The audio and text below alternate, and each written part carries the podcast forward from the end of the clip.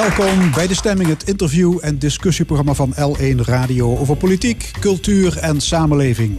En we komen zoals altijd vanuit Café Forum in Maastricht. Vandaag de volgende gasten. Hans Heijnen stopt als directeur van de Natuur- en Milieufederatie Limburg. John Jansen en Ella Peters over het eenjarig bestaan van Biologisch Limburg. En onze analist geneeskunde Harry Struiker-Bodier over de strijd tegen dementie. De stormachtige carrières van vader en zoon Verstappen in de Formule 1. Ivo Pakvis schreef er een boek over. Hij is de gast in het tweede uur. Dan ook een column en het panel discussieert over stikstof, de jeugdzorg en andere actuele zaken. En muziek. En die is vandaag van de Gumbo Jazz Band.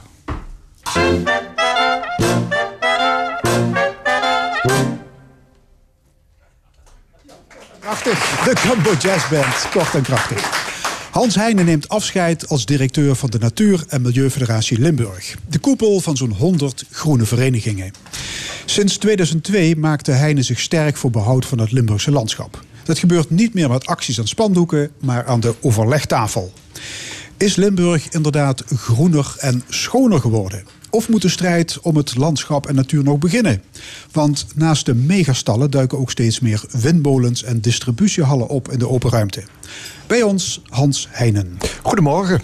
Ja, goedemorgen. Ja, woensdag gaat het echt beginnen, hè? Dan is het uh, einde oefening, dan zet u een punt erachter. Ja, dan is uh, een afscheidssymposium in de EC in Roermond.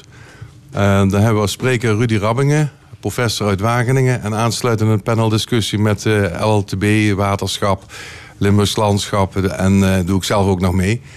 En uh, het thema is het gevecht om de ruimte. Ja, daar komen we zo meteen nog op. Want dan gaat het in Limburg uh, vooral om als je het uh, over natuur en landschap hebt. Um, verlaat u de Natuur- en Milieufederatie met een gerust hart? Nou, op het ogenblik is het natuurlijk wel heel spannend. Hè? Met PFAS en stikstof en CO2 en noem maar op allemaal. ik heb niet het gevoel dat mijn werk af is, laten we zo stellen. ik denk ook wel dat het voorlopig een heel belangrijk thema blijft. En mijn opvolger zal, ja, ik denk ik, ook nog de handen daaraan vol hebben. Ja, op welk rapportcijfer zou u het Limburgse landschap willen geven? Nu, op dit moment, uh, een 6,5 tot 7 min. Mm. ja. nou ja, kijk, er zijn een aantal... durft net geen 6 te geven, hoor ik. Nou, kijk, uh, als je kijkt naar natuur bijvoorbeeld... dan zie je dat er vanaf 1990 uh, heel veel geïnvesteerd is. En dat het areaal ook weer is toegenomen. Maar dat uh, vanaf het moment dat uh, Bleker actief werd als uh, staatssecretaris... is dan van een belangrijk gedeelte de nek omgedraaid. En is het eigenlijk stilgevallen. Dus dat gaat het puur om het areaal. Maar als je kijkt naar de kwaliteit van de natuur... dan moet ook nog veel verbeteren. Dat, we hebben die hele stikstofdiscussie. En dat heeft ook heel veel daarmee te maken. Namelijk dat er te veel stikstof neerdwarrelt... waardoor de natuur niet tot zijn recht komt... En datzelfde geldt ook voor het waterspoor. Heel veel gebieden zijn verdroogd. Dus er moet gewoon nog een heleboel blijven gebeuren. Ja, en dan komen er nog hele grote ontwikkelingen aan in het landschap. Windmolens, zonneparken, distributiehallen, verplaatsingen van boerderijen. Er is nog een hele hoop werk. Ja, zeker. Uh, wat betreft die energietransitie, uh, we hebben dat wel zien aankomen... en zijn al vier jaar bezig met het ontwikkelen van een visie erop... We hebben voor Limburg ook een, een soort energiemix opgesteld. Bestaande uit een bepaalde hoeveelheid zon en wind en waterkracht en uh, biomassa. Uh, als je af wil van CO2-uitstoot zou je dat soort bronnen moeten gebruiken. En, maar dat moet dan ook goed landen in het landschap. En daarom hebben we voor zon en voor wind ook een visie opgesteld waar het wel en waar het niet zou kunnen. Ja. En ik denk als, als de bestuurderen dat als spoorboekje gebruiken, dan zou je een heel eind kunnen komen. Maar ik ben bang dat dat niet altijd gaat gebeuren. Ja. Wanneer is het groene zaadje bij u zelf geplant? U bent al heel erg lang actief in die uh, ja. natuur- en milieubeweging. Ja, ik, ben, uh, ik heb in Wageningen biologie gestudeerd. En uh, ik kwam veel in het jongerencentrum bij mee in het dorp. En op een gegeven moment organiseerde Zwalm, ze in, in Zwalmen ja, een, een, een milieuweekend. Dat was toen heel erg in. En uh, ja, ik, ik, ik studeerde biologie. Hadden ze mij gevraagd van wil je niet iets daarover vertellen? Nou, dat heb ik toen gedaan. En dat was eigenlijk het begin van de Milieuclub in Zwalmen. Later de Milieu- en Heemkundevereniging Zwalmen. Ja, dat was de tijd dat dat nog echt geitenbolle sokken was natuurlijk. Ja, meer dan nu, denk ik. Het was nog in een heel pril stadium. Uh, maar er waren natuurlijk uh, een belangrijk aantal aanleidingen om je daarin te zetten voor natuur en landschap. Dat was de hele discussie over Rijksweg 73. Die begon toen net op de oostoever of op de westoever van de Maas. Er speelden nog volop uh, de ontgrondingen hè, in het Midden-Limburgse. Er speelde een ruilverkaveling. Uh, ja, en al die items zorgden ervoor dat we binnen de kortste keren wel 500 leden hadden. Dus dat wil zeggen, het leefde wel. Ja, een beetje cynisch gezegd, als ik u die opsomming hoor maken... die A73 is op die Oostoever gekomen. Die ja. ontgrendingen, daar weten we van... nou ja, half Midden-Limburg is inmiddels afgegraven langs ja. de Maas... Wat noemde u nog? Uh, de ruilverkavel. De ruilverkavel, die is ook doorgegaan. Dus ja. het, eigenlijk trieste ja, maar, Nee, maar, maar daar zit denk ik net de winst die daarna is ontstaan. Bijvoorbeeld die A73. Ja, natuurlijk, we hebben dat toen verloren met één stemverschil. Hè. Lili Palli was niet aanwezig. En daardoor is Tweede het... Kamerlid, het, ja. Maar uiteindelijk is het wel een variant geworden die maximaal gebundeld is met de bestaande infrastructuur. Er zijn twee tunnelbakken ingekomen en er is heel veel natuurcompensatie uh, uiteindelijk opgeleverd. Dus het is niet dat er niks gebeurd is. We hebben toch wel invloed gehad in positieve zin. En hetzelfde geldt ook wel voor die ontgrondingen. Als je kijkt nou naar hoe nou de plannen in het grensmaasgebied ontwikkeld zijn hebben we toch geleerd van hoe het niet moest in Roermond met al die diepe gaten. En dan heb je een totaal andere, uh, ander plaatje gekregen. Dus uh, daarom zeg ik ook die zeven. Hè. We hebben een hoop verloren, maar we hebben ook wel een hoop uh, invloed gehad in positieve zin. Wat drijft u? Bezorgdheid? Boosheid? Nou, directe betrokkenheid bij het gebied. En dat ik daarvan kan genieten. En dat ik vind dat ik dat ook moet blijven kunnen. En net zo goed de mensen bij mij in de omgeving. De uitstoot van intensieve boerenbedrijven, dat is al decennia lang een heet hangijzer. Ja. Daar ben u ook altijd heel dicht uh, bij betrokken geweest. Ja. Uh, in het blad van uw organisatie zegt u uh, in het afscheidsinterview... Interview, de reconstructie van het platteland is mislukt. Ja, dat, dat, ja, dat hebben we in 2011 om een rij gezet. Um, de bedoeling was dat de uh, grote bedrijven die oftewel de uh, kernen in de weg zaten vanwege geuroverlast, of die er dicht bij natuur zaten vanwege de ammoniakuitstoot, die zouden verplaatst worden naar een soort industriegebieden in het, uh, in het buitengebied, de zogenaamde landbouwontwikkelingsgebieden. En als je dan de balans opmaakt, dan is dat eigenlijk nauwelijks gebeurd. De bedrijven zijn blijven zitten waar ze zaten en hebben zich daardoor ontwikkeld. En dat heeft ook geleid tot die enorme verweving en met de problemen die we nu hebben met de stikstof. Eigenlijk een gevolg van het feit dat die plannen toen niet goed zijn uitgevoerd. En ook het feit dat er toch zwaar bezuinigd is op natuur, waardoor je geen robuuste natuurgebieden hebt. En daardoor zitten de boeren en de natuur elkaar in veel gevallen in de weg. Ja, ik hoorde zelfs premier Rutte eh, in deze dagen zeggen: we hebben op de pof geleefd. Heeft Rutte dat zelfs gezegd? Ja, nou, dat hebben wij ook altijd gevonden van de PAS. Ja. Dat is die programmatische aanpak stikstof. Uh, dat is ook zo. Er is ruimte gegeven voor ontwikkelingen. En de feitelijke uh, uh, ja, vermindering van de uitstoot... die hoefde pas later plaats te vinden. En dat vond niet plaats. Ja. Zal die stikstofcrisis nu het zo muurvast zit... zal dit dan eindelijk de doorbraak zijn... in die reconstructie van het platteland? Ja, ik, ik denk dat is, uh, door de uitspraak van de rechter is het heel moeilijk om weer een constructie te bedenken waarbij je eigenlijk op de pof leeft. Je moet dus nu eerst zorgen dat die uh, ammoniakuitstoot naar beneden gaat. En ja, er zijn twee mogelijkheden, of, of drie eigenlijk. Je moet landelijk iets doen. Dat is een algemene stikstofdeken die te hoog is. Dan moet je generieke maatregelen nemen. Dan kan je denken aan dat alle bedrijven toch nog meer moeten investeren in uh, luchtwassers, technische voorzieningen om minder ammoniakuitstoot te hebben. Of je kunt denken aan het verkleinen van de veestapel. Dat zorgt dan voor een algemene daling van stikstof. En daarbij heb je rondom de natuurgebieden zelf, zoals de Peel of de Hamer of de Mijnweg, daar heb je nog de hoge piekbelasting. En daar moet je kijken of je niet bedrijven die uh, echt heel veel veroorzaken, of je die niet kunt verplaatsen of kunt uitkopen. Ja, maar het feit dat het nu zo muurvast zit. Daarvan zegt u van nu moet er echt iets gebeuren. Er is geen ontsnappingsmogelijkheid meer open. Nee, ik denk, ik denk dat uh, als, als er weer een constructie komt zoals de eerdere programmatische aanpak stikstof. Dan, dan loop je uiteindelijk weer aan tegen het feit dat het Europese Hof en ook hier de rechter gezegd hebben. dat idee van op de pof leven, dat mag niet meer. Dus je moet eerst echt naar beneden. Je moet eerst zorgen dat. Hè, een voorbeeld. In de peel. Daar, uh, daar was de uitstoot 5000 mol, een bepaalde eenheid. Hè. Er is best veel gebeurd, maar je zit nog op 2500.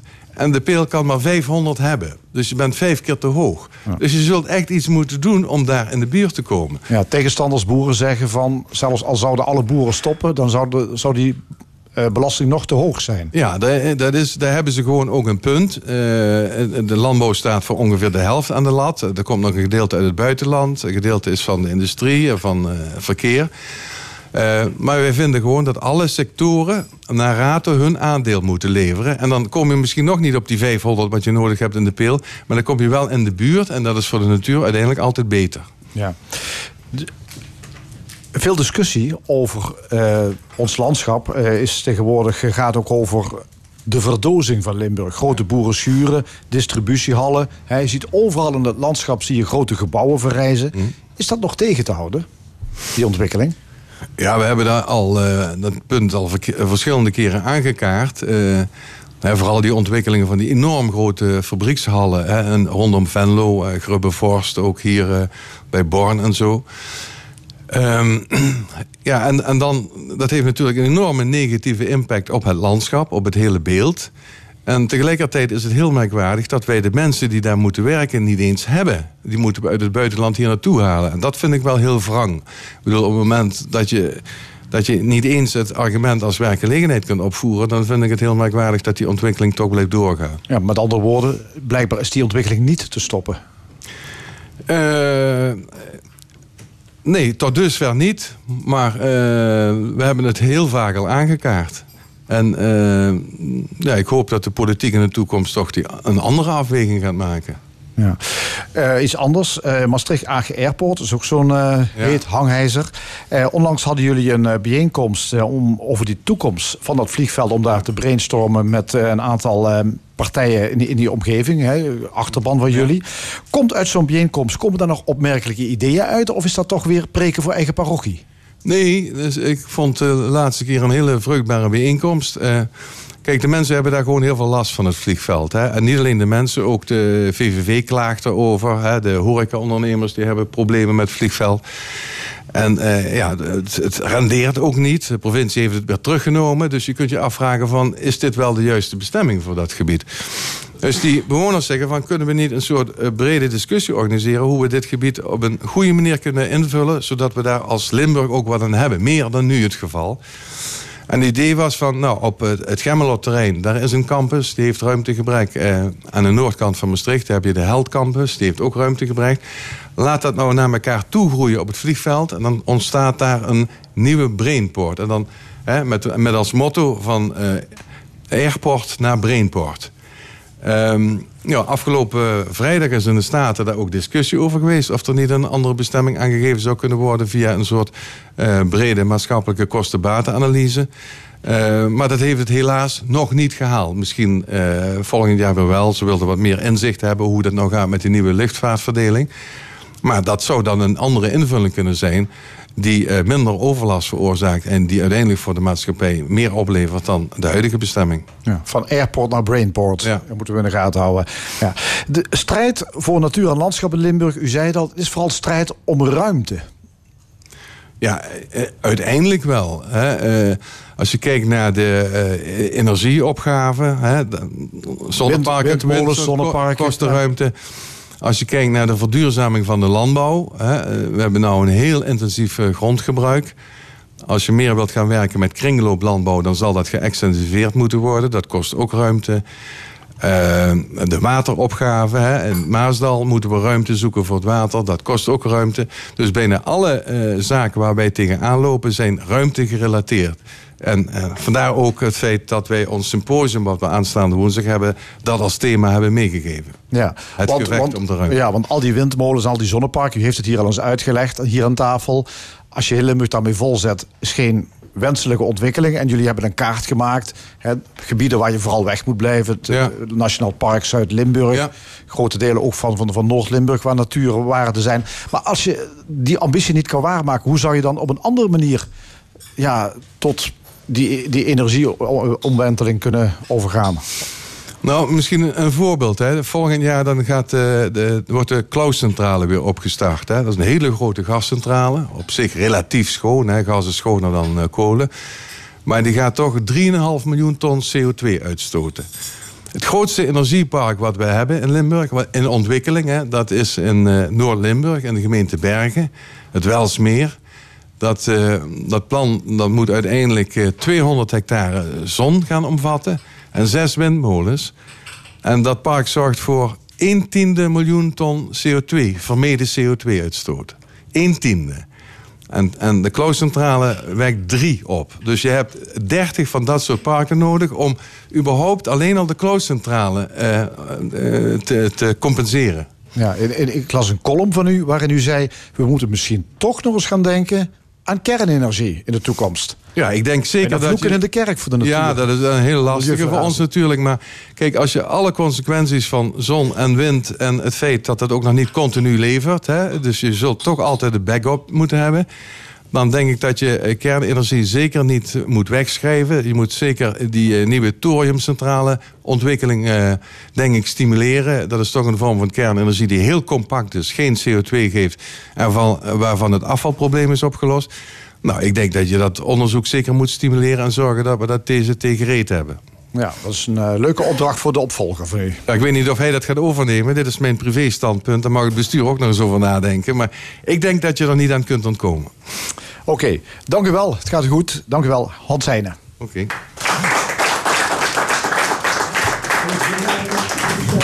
voor het eenjarig bestaan van Biologisch Limburg. Maar eerst muziek. Ik sta bij Hugo Kuipers, bandleider van uh, de Gumbo Jazz Band.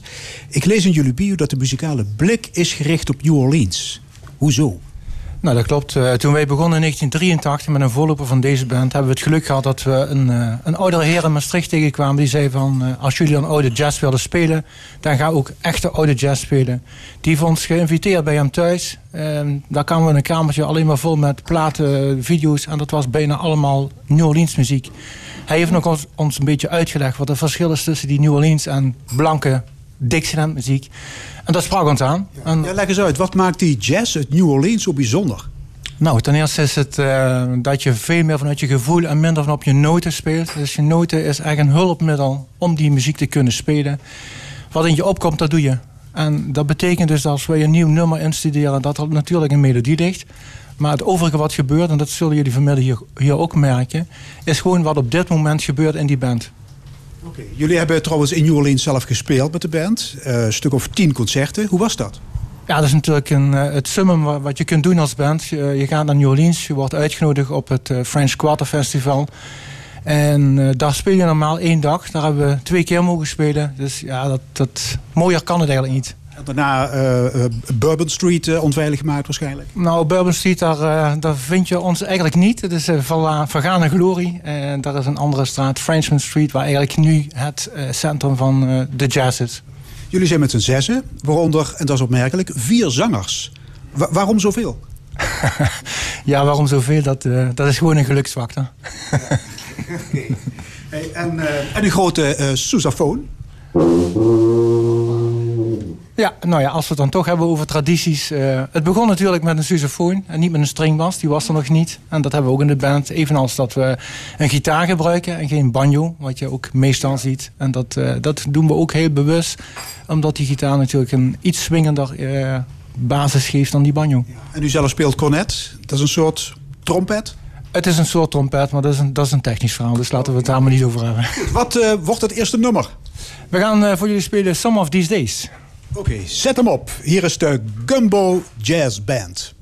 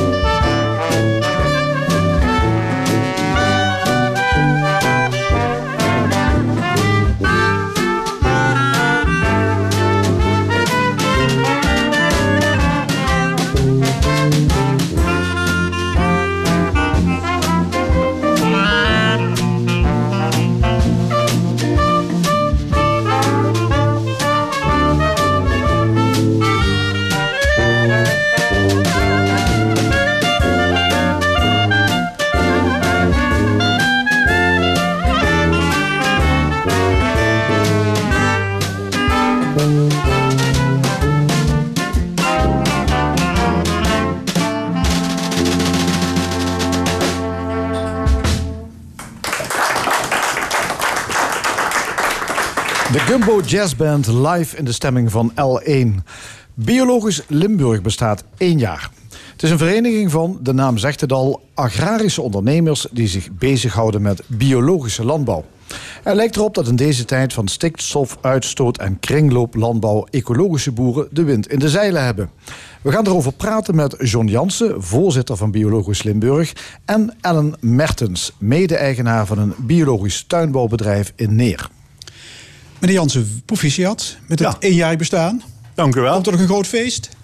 Nou, we gaan er in elk geval even bij stilstaan. En, eh, en de mensen die, eh, die de kar getrokken hebben, zeg maar... eh, nou, willen we dat eventjes benoemen en kijken... nou, wat hebben we dit jaar gedaan? En we willen natuurlijk ook een stip op de horizon zetten van... hoe gaan we verder en waar gaan wij ons naartoe Oké, bewegen? daar kom ik straks op terug. Ja. Zeg, u bent al in 1987 overgestapt hè, van regulier naar bio. Ehm, en die vereniging bestaat pas één jaar. Dus die heeft lang op zich laten wachten. Daar, daar heb je helemaal gelijk in, maar het is ook een proces. Hè, van de tijd moet er rijp voor zijn. Er moet ook iemand zijn die de kar gaat trekken. Nou, dat ben ik in dit geval geweest. Ook omdat ik wat meer tijd heb dan mijn collega's. Omdat ik in een afbouwfase met mijn bedrijf zit. En ik vind het ook leuk om, om dit thema op te pakken. En eh, de boeren de, te verenigen. En samen te kijken, nou, wat kunnen we samen bereiken? Ja, maar toen u begon als biologische boer, hè, 32 jaar geleden... toen moet u een pionier zijn geweest in Limburg. Werd u een beetje gek aangekeken? Toen waren er inderdaad heel weinig eh, biologische bedrijven. Toen waren wij gek, eh, gek aangekeken, dat is inderdaad Wat gaat die Jansen nou wat doen? Wat voor gekkigheid gaat hij uithalen? Ja, toen had je, dat zei u ook net in het gesprek met de heer Heijnen, van dat waren de geitenwolle sokken. Eh, mensen die toen, die toen begonnen aan het anders doen. Ja. Ja. U, u droeg zelf ook geitenwolle sokken toen? Nou, het is moeilijk. Een geit heeft geen wol, dus de geitenwolle sokken zijn er eigenlijk nooit geweest. En bij- u boert in Valkenburg. U heeft 50 hectare akkerbouw. Nou, ja. En, en nog wat veeteelt, hè? Nou, het is andersom. We hebben een, eh, een, een veeteelbedrijf ge- gehad, altijd zorgkoeien. Geen melkveebedrijf met akkerbouw. Oké, koeien met, met akkerbouw. Ja. ja. Ja. En hoe, ga- hoe gaan de zaken? Ja, u zei net, ik zit in een afbouwfase. Nou, de zaken, Heeft- hebben, de zaken hebben altijd naar tevredenheid eh, gelopen. Ik, ik Met, heb- met pieken en dalen of tamelijk constant? Nee, dat was altijd constant. Ja, je hebt natuurlijk wel eens een moeilijk jaar. Maar daarvoor moet je zorgen dat de tafel altijd op zoveel mogelijk poten staat. Hè? Want als een tafel op één poot staat en die, die is eh, niet zo sterk... Dan gaat hij vallen. Ja, dan heb je kans dat Ja. die omvalt. Maar als je op vier poten staat, dan, eh, dan heb je een stevige basis. Ja, waarom gaat u stoppen? Nou, ik, eh, mijn pensioenleeftijd is in zicht. Ik vind het nu al mooi geweest. Maar dat geldt, toch niet, voor, een- dat was- toch niet voor een boer? Die gaat toch nooit met pen- pen- met pensioen? Nou, dat kun je zeggen, maar ik vind wel dat ik het verdiend heb. Oké, ook aan tafel Ellen Mertens. U heeft een biologisch tuinbouwbedrijf in Neer. Ja. Jullie hebben in het jaar 2002 hè, het over een hele andere boeg gegooid. Waarom? Juist. Eh, wij waren een eh, traditioneel eh groente, volgronds groentebedrijf, mijn man en ik. En mijn man had het bedrijf overgenomen van zijn ouders. En nou, we gingen eigenlijk een beetje op die voet verder. Eh prijs, niet school. Maar als, ja, al snel bleek dat ja, eh, we waren eigenlijk te klein om, eh, om op te schalen. En eigenlijk wilden we dat ook niet. En ja, de revenuen waren toch weinig. De prijzen waren slecht. Dan had je bijvoorbeeld een heel mooi veld Chinese kool. Dan denk je, oh, dat is prima. En dan bracht je het naar de veiling. En dan was het daarna een lotto. Wat krijg je ervoor? En dan was het niks. En dan werd het, ja, dan werd het, eh, werd het doorgedraaid, noemen ze dat.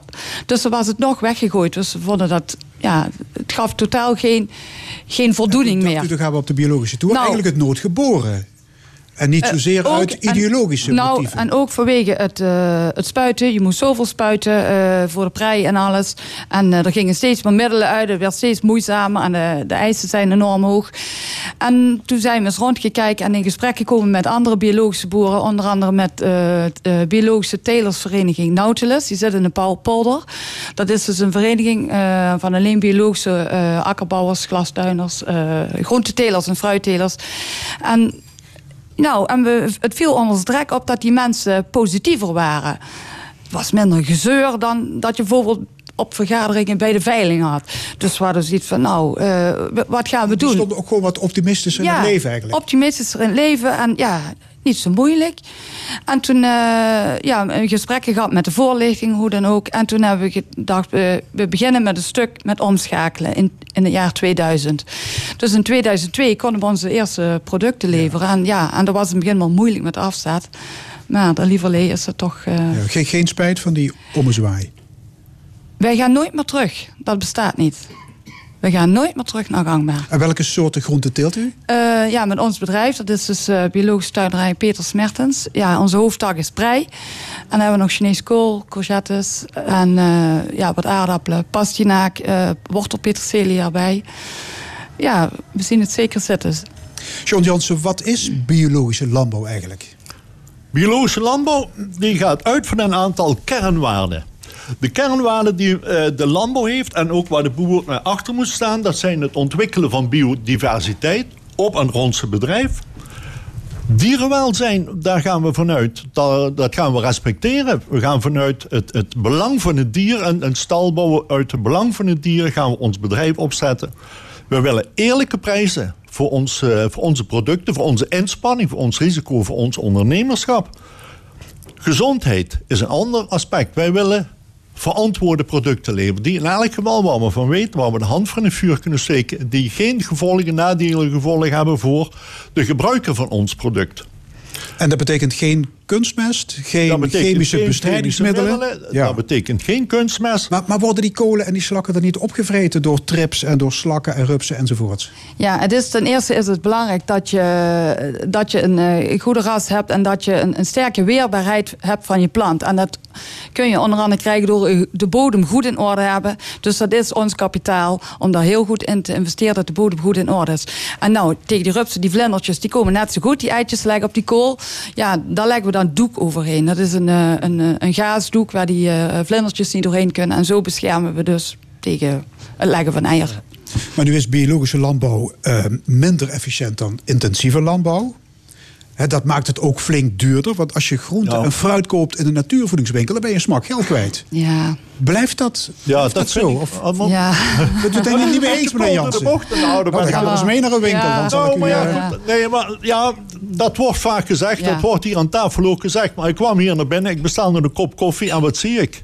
Biologische koffie hier. In het hartje van Maastricht. Het komt overal biologisch. Je ontkomt er ook niet meer aan. Nee. We hebben ook gezien eh, in het nieuws van de week dat de omzet van in de retail met 20% gestegen was voor de gezondere producten. Mensen gaan het toch steeds meer waarderen. En nou, en er Ja, maar zijn wacht eens even. Ik las ergens dat maar 4% van de markt biologisch is. Dat is buitengewoon weinig. Nou, maar dat is toch niet erg voor de, voor de ondernemers? Nee, maar hoe kan dat percentage omhoog? Nou, dat is een van de intenties die wij als vereniging hebben. We hebben vier pijlers waar we eigenlijk eh, mee begonnen zijn. We willen belangenbehartiging. We willen afzet eh, bevorderen voor, voor de zittende boeren. En we willen nieuwe marktkansen creëren voor boeren die nu gangbaar boeren en dadelijk biologisch gaan Ja. boeren. En het derde pijler, en een hele, hele belangrijke is, en eh, dat zei Ellen ook al net, we willen een kennis gaan delen. De biologische boeren moeten verdieping en willen het ook, verdieping van hun kennis. Hoe kan ik mijn bedrijf, mijn grond beter managen? En we willen kennis Om, aanbieden. om zodoende reclame te maken voor andere boeren... om eventueel over te stappen naar jullie Ja, en dat is biologische... tevens wat u zegt, de vierde pijler. Hè. We willen ook de biologische landbouw toegankelijk maken voor conventioneel werkende boeren. We willen daar faciliteiten voor Ja. bieden. Nu wil landbouwminister Schouten dat er meer ambachtelijke streekproducten terechtkomen bij de lokale supermarkt. Goed plan? Ja, tuurlijk is dat een goed plan. Maar het moet een goed verdienmodel zijn Ja. voor, voor de buur. Ja. Hè? Oh goed, als Albert en die Jumbo ermee kunnen verdienen... dan zullen ze het niet nalaten. Ja, dat klopt. Maar de afzet, dat is toch altijd wel... eh, dat valt niet altijd mee. Want de consument moet ook omgaan. En ja... eh, zeker als, als burger zijnde is men heel idealistisch en men wil al het groene. Maar op het moment dat eh, de burger naar de winkel gaat en die kijkt naar de prijzen daar, dan wordt er toch wel vaak voor het goedkopere product gekozen. Biologische komkommer is duurder dan een, dan een gewone. Ja, en ik, eh, ik vind het wel belangrijk dat je weet waar het product vandaan komt en waar, hoe het geproduceerd wordt. Kan die, En prijs niet moet- gewoon, kan die prijs niet omlaag dan? die het zou wel omlaag kunnen, want op zich krijgen wij geen slechte prijs. Maar als je het inderdaad in de supermarkt eh, ziet liggen, dan, nou, dan gaat die flink over de kop. Maar het heeft uh, ook te maken omdat het een kleine hoeveelheid is. Dus logistiek gezien kost het meer. En het, ja, het is zo dat wij producten die wij uh, voor de supermarkt leveren, dat we die moeten verpakken. En dat vinden we, ja, dat klinkt niet erg biologisch. En dat horen we ook van consumenten. Ja, daar ligt jullie product, maar dat ligt verpakt. Ja. Maar dat kun je met afbreekbaar celofaan wel doen. Ja, dat heeft ook weer zijn uh, voor- en zijn nadelen. Maar dat proberen we dan uit te leggen dat uh, ja, de grootste hoeveelheid wat in de supermarkt ligt, is uh, conventioneel. Dus dat gaat men niet verpakken. Want als men dat ging verpakken, dan had je nog meer plastic. Dus ze doen de kleine hoeveelheid verpakken en dat is biologisch. En eigenlijk ja, vinden wij dat ook jammer dat het zo is. Meneer Jansen, er is volop discussie over de uitstoot van, van stikstof. dat komt vooral op het konto van de intensieve veehouderij. U heeft ook landbouwdieren. Hoe groot is uw stikstofemissie? Nou, we hebben nou gezien, en er heeft van de week ook een onderzoek over gepubliceerd. De, het stikstofoverschot per hectare in de veehouderij is biologisch ongeveer tussen de 20 en 25. Ik kan het niet precies lezen hier uit de statistiek. Maar de stikstofoverschot per hectare vanuit de gangbare landbouw zit je rond de 170 kilo per hectare.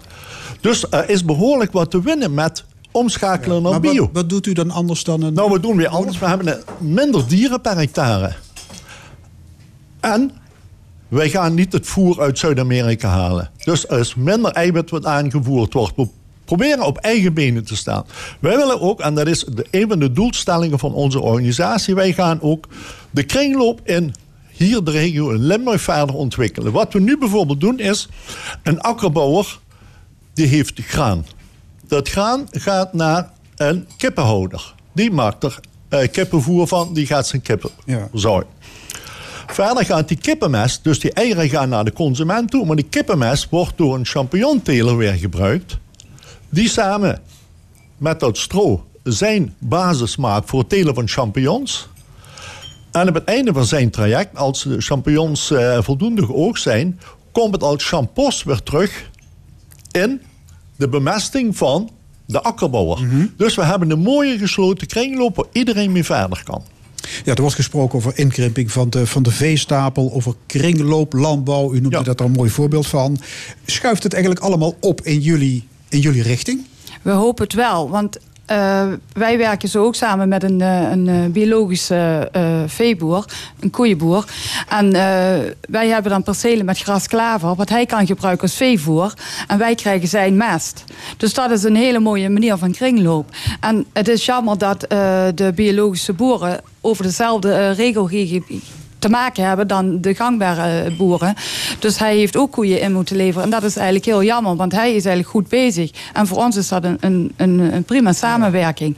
Ja, en, en, zelfs het CDA vindt, vindt ecologie nu belangrijker dan export van uh, goedkoop vlees, meneer Jansen. Ja, die hebben, die hebben twee de, uh, nieuwe feiten onthuld, vind ik. En daar was ik ook wel blij over. We moeten beter zorgen voor het inkomen van de boer. Ja. Want dat staat eigenlijk voorop. Want ik denk wel eens dat we vergeten dat 10 keer 0 is 0. 100 keer 0 is ook 0. 1000 keer 0 blijft 0. Dus als het financieel niet klopt, ja, dan heb je er ook niks aan om de export te vergroten. Ja. Dus het inkomen van de boer moet gegarandeerd worden, moet zeker worden. Oké, okay, maar onze medewerker Ralf Boudelier die schreef een column in het Financieel Dagblad over biologische landbouw. En hij zegt: 9 op de 10 mensen in de wereld hebben te eten dankzij kunstmest, dankzij veredeling en gewasbescherming. Ja, Wat vinden jullie daarvan? Ja, we weten toch dat die weg eindig is. Daar zijn we toch ondertussen wel uh, een beetje van overtuigd, denk ik. De weg van kunstmest en bespuitingen. Dat is lang zegt zo hij geweest. laat bepaalde dingen buiten beschouwing? Ja, de, de vervuiling van lucht en bodem, Absoluut. Het is, ja, koorts. we weten ook, ja, kunstmest, hoeveel, uh, hoeveel energie dat het kost om dat te maken. Ja, het is uh, heel erg te weerleggen, dat stuk. Maar ik, ja, dus... Ja, hij is toch niet... goed, hè? Jansen, korte reactie? Nou, uh, hij is filosoof, las ik in het onderschrift. Ja. Hè, En, en filosofen zijn toch bekend als grote denkers. En ik denk, deze meneer moet nog even doordenken. Ja. En, en zich eens even Ja, bezighouden met agenda Oké, ja, hij- 2030, die 180 landen hè, ondertekend hebben als wat doelstellingen Ja. gemaakt hebben en Ja. onderzoeken zijn. En daar zeggen ze ook, die 180 landen, want het is niet alleen het probleem van Limburg en Nederland, wat wat we nu hebben met de stikstof, het is een mondiaal probleem. De landbouw gaat veranderen, of we het willen of niet. En wij zullen het niet meer meemaken, maar onze generatie op het de, hoe moet ik dat precies zeggen? Een, als we een generatie verder zijn, dan ziet de landbouw er heel anders uit. Ik zeg niet dat alles bio is, maar de landbouw gaat in transformatie. Oké, jullie hebben als Biologisch Limburg ook een strategisch plan gemaakt voor de komende vijf jaar. Kunt u een tipje van de sluier oplichten? Nou, we willen uh, de kringlooplandbouw verder gaan ontwikkelen. En ik heb daar al één goed voorbeeld van gegeven, wat, wat we al bereikt hebben. We gaan dat meer doen. Eh, er zijn ook nog leemtes die we nu nog niet kennen. Maar als we in dialoog zijn met onze collega's, want dat is ook de sterke kant van ons netwerk, we gaan er samen voor. En het onderschrift van onze vereniging is ook, en dat heb je op de site kunnen zien, van samen voor of voortgaan in transitie. Zowel voor onze sector als voor de landbouwsector in zijn algemeenheid. Oké, Heel veel succes. John Jansen en Ellen Mertens van Biologisch Limburg. Dank jullie wel. Dank dit is tot 1 uur De Stemming, het politiek-cultureel café op L1 Radio. Zoals elke week live vanuit Café Forum in Maastricht. Met live muziek. En vandaag staat de Gumbo Jazz Band hier op het podium. We gaan luisteren naar Out in the Cold Again.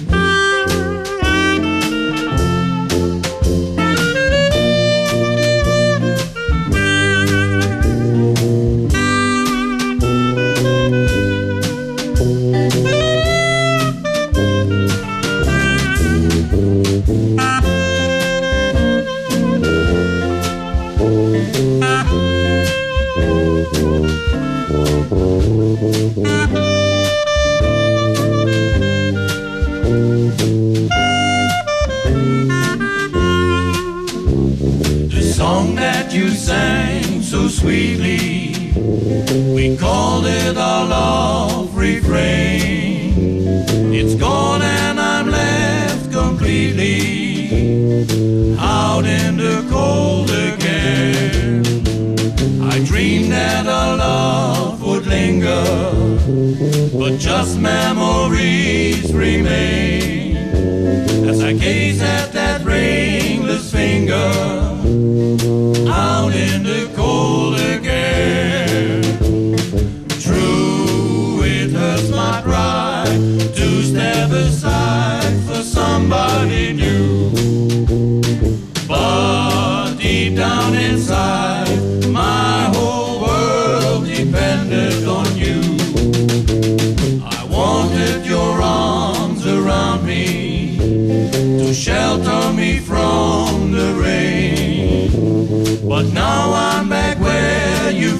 me out in the cold again.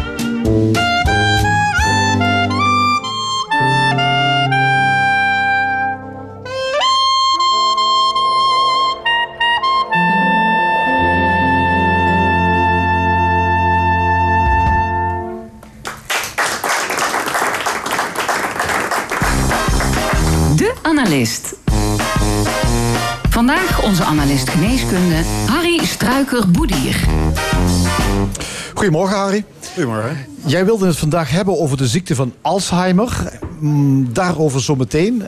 Maar eerst even naar eh, toch wat eh, recent eh, medisch nieuws van de afgelopen week. Er zou in Nederland, de- dat vindt de minister althans... zou er een grotere voorraad aangelegd moeten worden van medicijnen.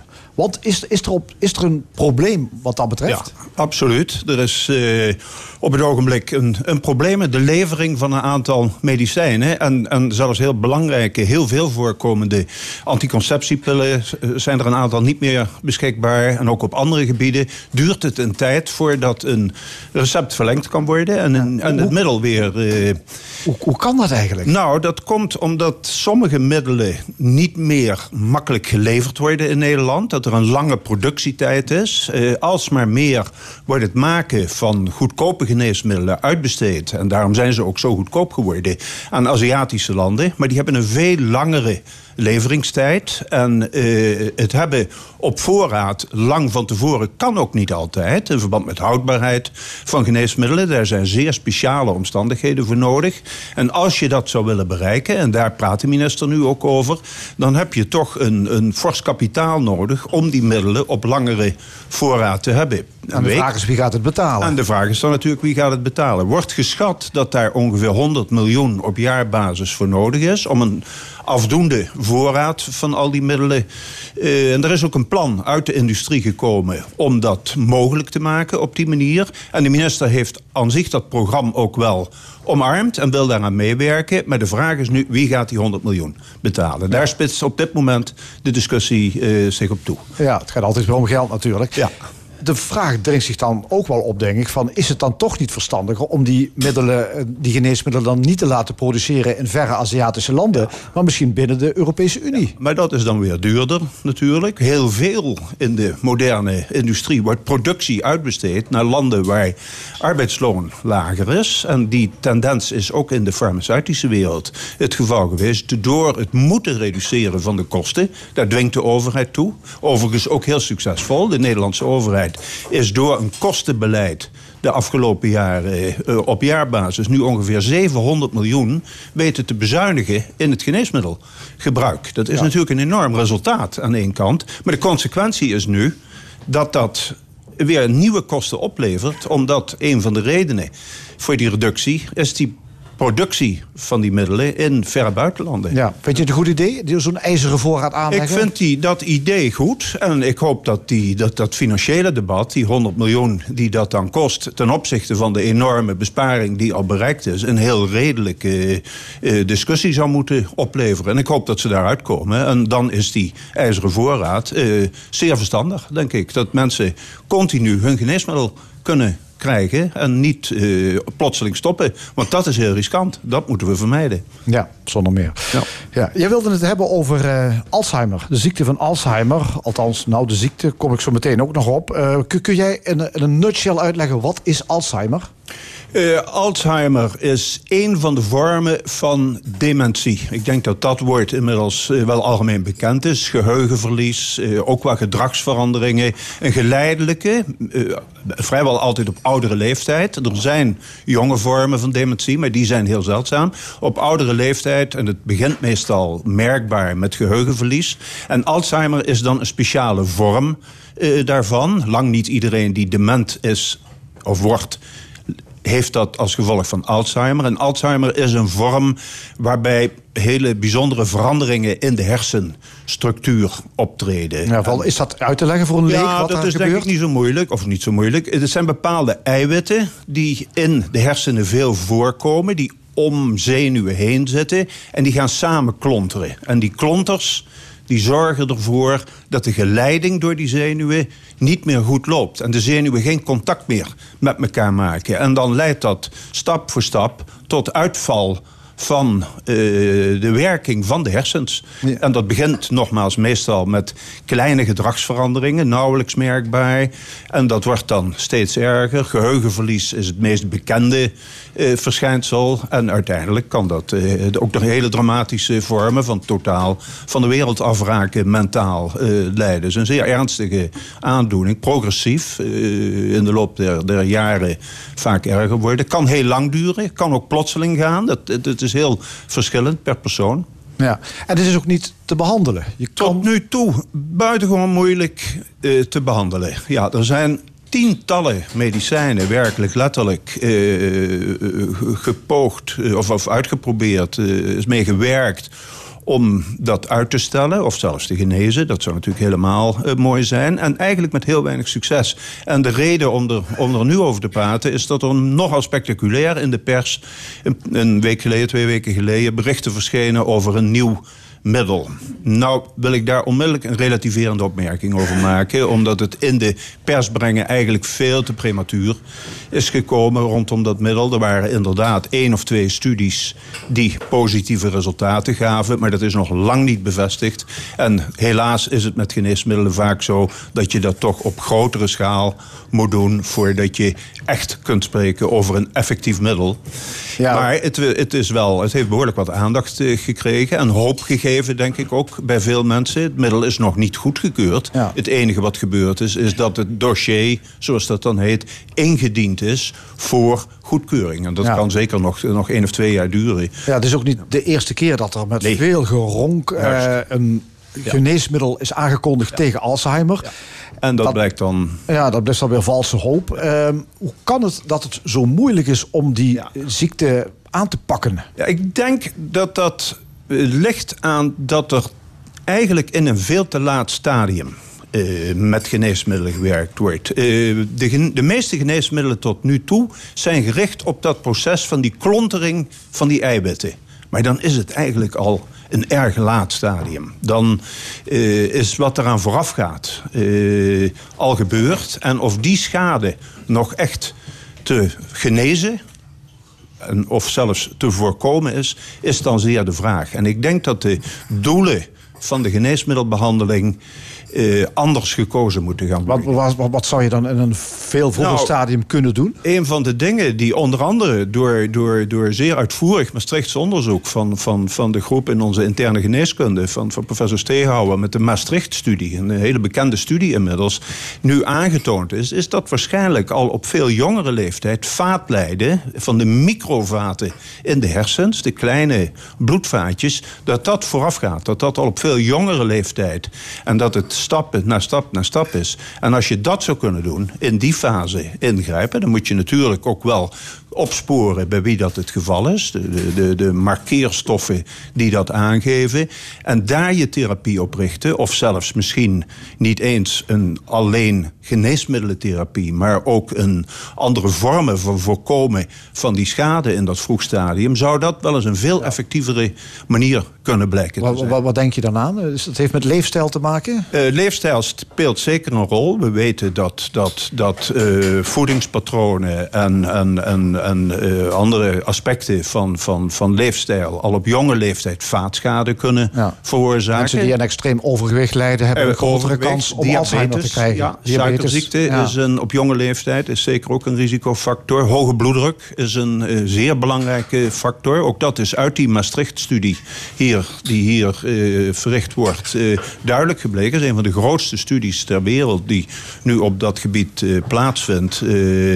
heeft dat opgeleverd. En ik denk dat de, de, de therapie steeds meer die kant op moet. Dat dat dus de betere targets zijn dan die eindeloze serie stoffen die nu getest en, en weinig succesvol blijken te zijn. Ja. Die ingrijpen in dat latere stadium. Ja, ehm, Frans Verheij, die is hoogleraar ouder, Ja. ouderenpsychiatrie eh, aan de Universiteit Maastricht. Eh, deze week geeft hij een lezing eh, over een onderwerp waar hij zich al heel lang mee bezighoudt.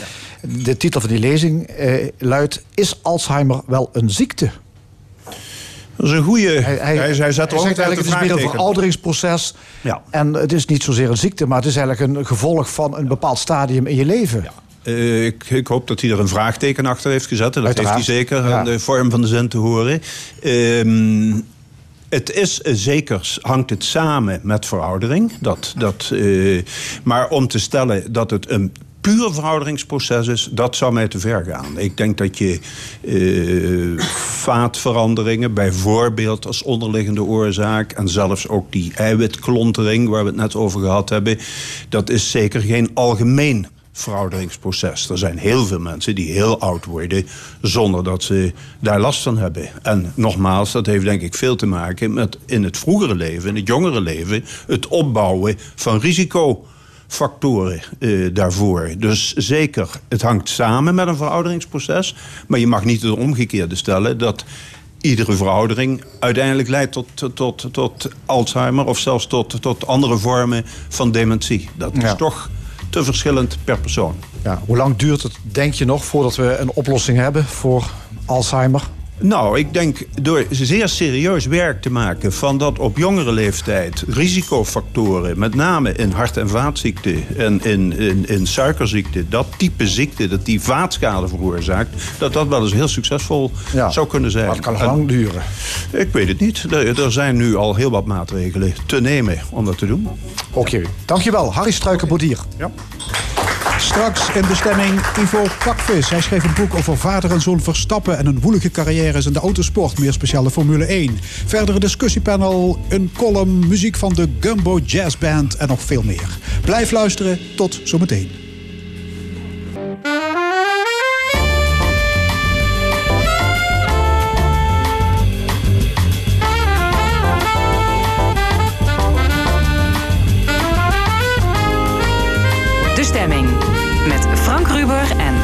Geraerts.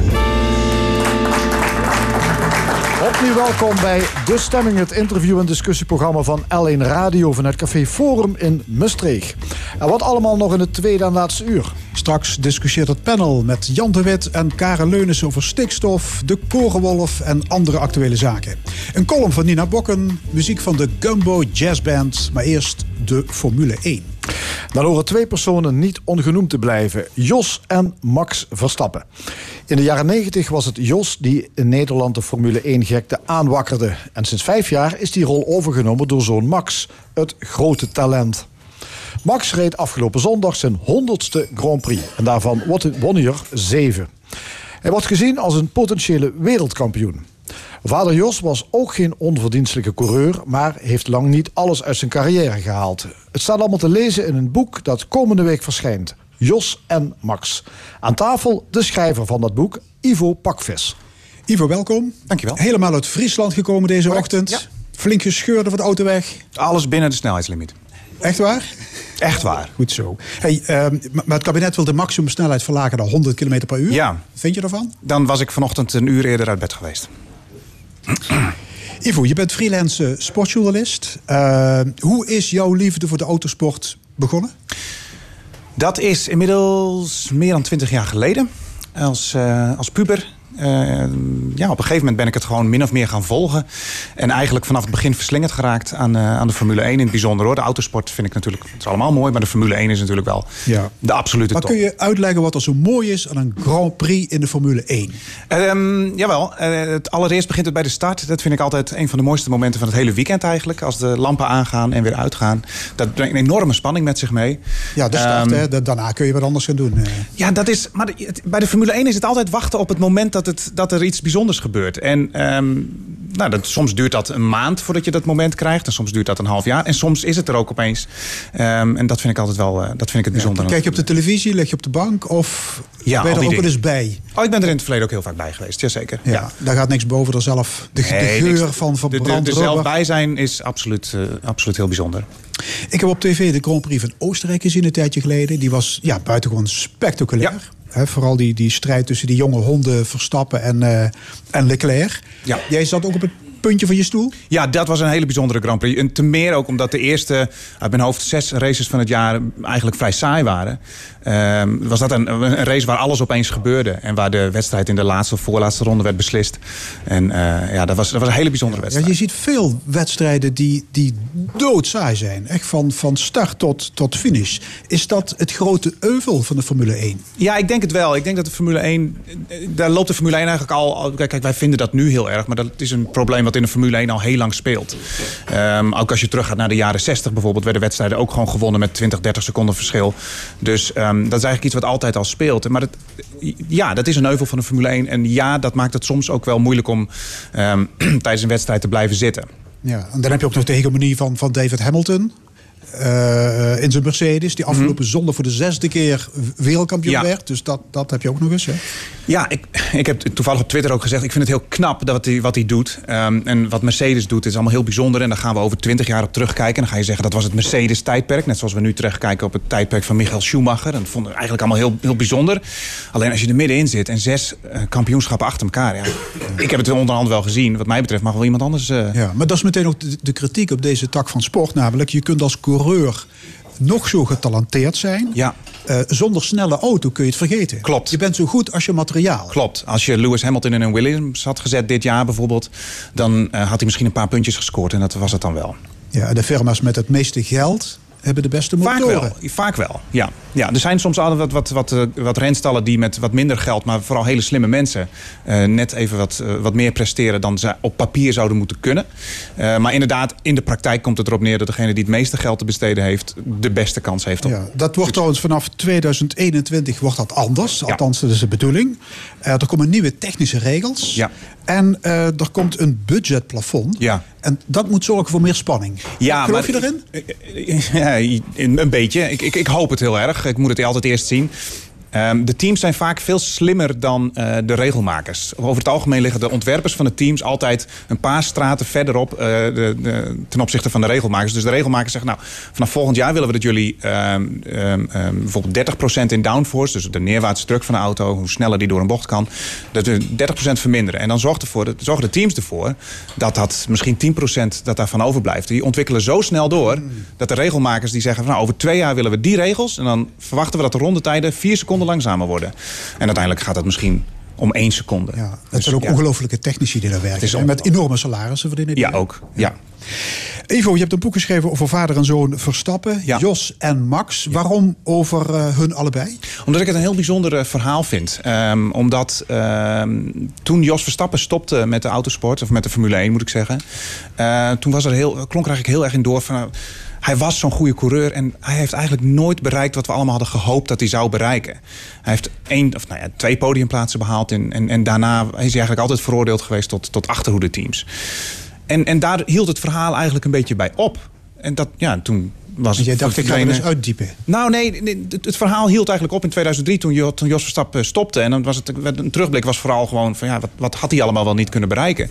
En nu komt Max Verstappen. En die laat eigenlijk zien wat hij allemaal had kunnen bereiken. Ja, maar, maar komt het niet wat vroeg? Want Max is nog lang niet op zijn hoogtepunt. Klopt helemaal. Eh, het, het zit- we zitten er nog middenin. Eh, maar het, ja, er is al er- meer dan voldoende materiaal om mee te werken, wat Ja. mij betreft. Max heeft veel geleerd van Jos, Ja. van, zijn, van zijn pa. Ehm, maar Jos die had de pech dat hij vooral bij B-teams Ja. terecht kwam. Hè? Bij Arrows, bij Tyrell, bij Simtech. Ja, Ja. daar, daar scoor je nooit. Nee, dat is, dat, punten, hè? dat is het probleem wat we er net ook al hebben aangestipt. Hè? Dat is echt de Formule 1. Op het moment dat jij een auto rijdt die eh, niet het, zo goed is als de auto's vooraan... Ja, dan kan je duizend keer zitten met je, met je talent. Maar dan moet je het een keer doen met een puntje of twee puntjes per jaar.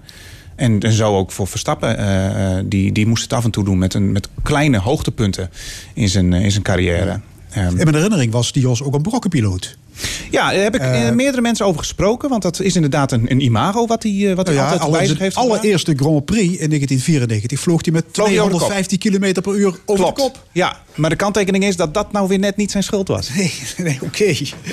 maar goed, je hebt het sowieso uitgezocht. Ja, Ehm, hij is 59 keer uitgevallen. ja, 11 keer door eigen schuld. ja. Dus laat ik zeggen, het was een grindbaktoerist, maar niet altijd door eigen Nou, toedoen. Nee, precies. Soms, eh, eh, als, kijk, als je auto stuk gaat, staat er ook een, een DNF, hè, een did not finish, achter je naam. Maar ja, daar kan je niks aan doen.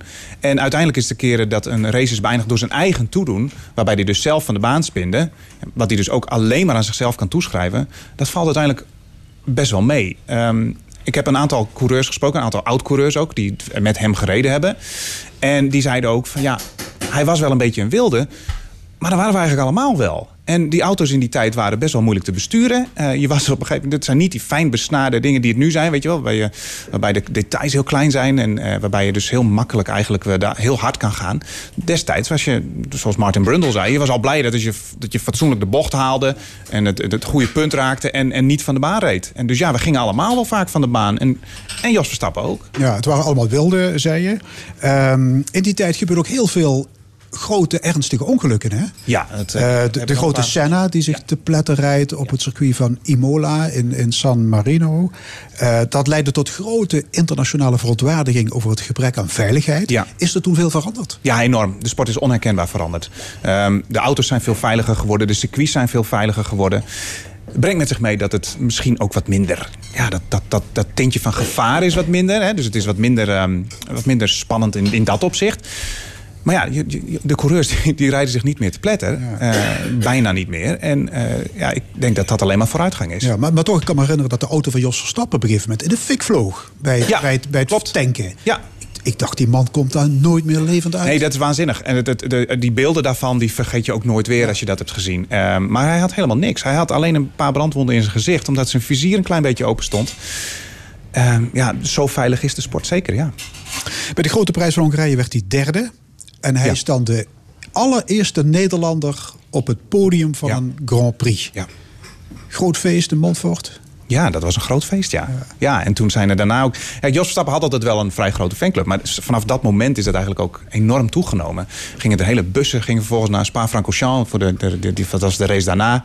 En uh, ja, dat was een enorm feest. Toen is er een enorm Formule 1-virus, tussen aanhalingstekens, is losgebarsten. Ja.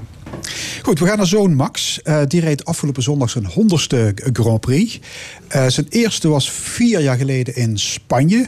En er was toen al discussie over de vraag... of je dat een 17-jarige jongeman mag aandoen. Nou, zijn eerste Grand Prix was in 2015 in Australië. Zijn eerste overwinning was inderdaad in, in Spanje. Maar uh, ja, er was inderdaad discussie over... Ja, was toen 17. Wat, was, wat als het misgaat? Wat als het misgaat, ja, ja precies. Er waren ook, ook oud-coureurs die zeiden van... ja, wij vinden hem eigenlijk veel te jong. Dat kan je zo'n jonge jongen helemaal niet aandoen. Maar is er toen ook een risico genomen? Nou, ik denk dat het ik denk dat dat wel meevalt eigenlijk. Ik denk dat uh, Toro Rosso destijds, het team waar hij dus toen voor debuteerde... heel goed wist wat ze deden. Uh, en dat zij ook heel goed wisten van als het verkeerd gaat...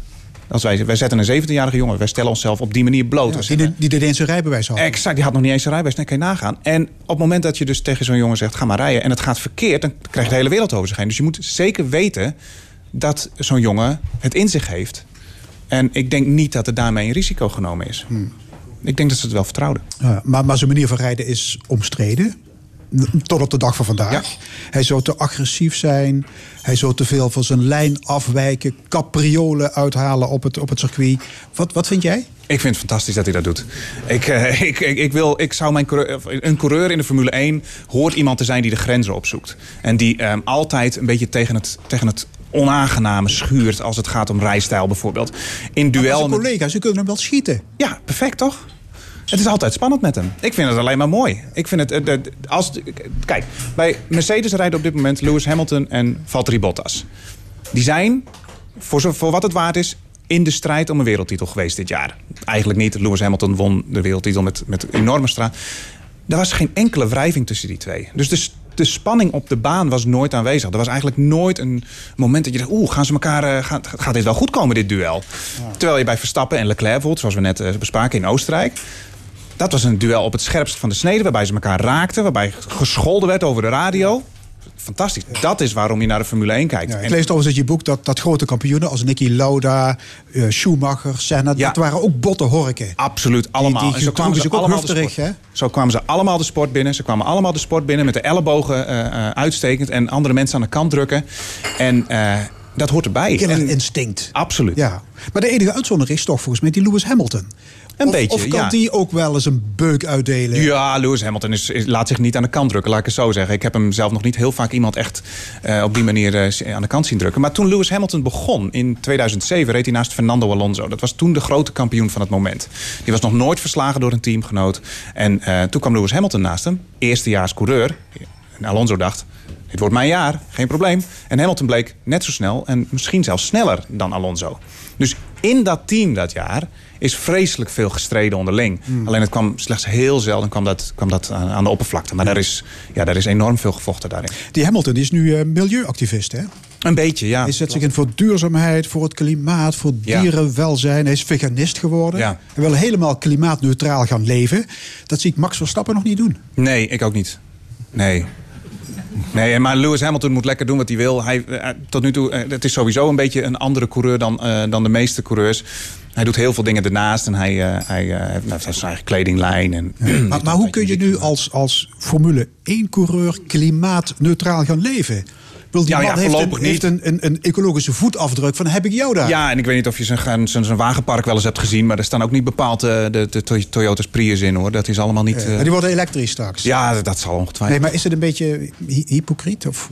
Ja, vind ik wat lastig om te zeggen. Ik, ik vind het niet direct hypocriet. Ik vind het goed dat hij dat soort dingen, dat hij zich uitspreekt erin en dat hij, eh, dat hij zich op die manier laat zien. Maar ja, tegelijkertijd snap ik het cynisme eromheen ook wel. Hij vliegt met een privéjet over de hele wereld en hij rijdt auto's en hij wordt betaald om auto's te rijden. Dus ik begrijp best dat daar, eh, dat daar wat cynisme over is. Ja.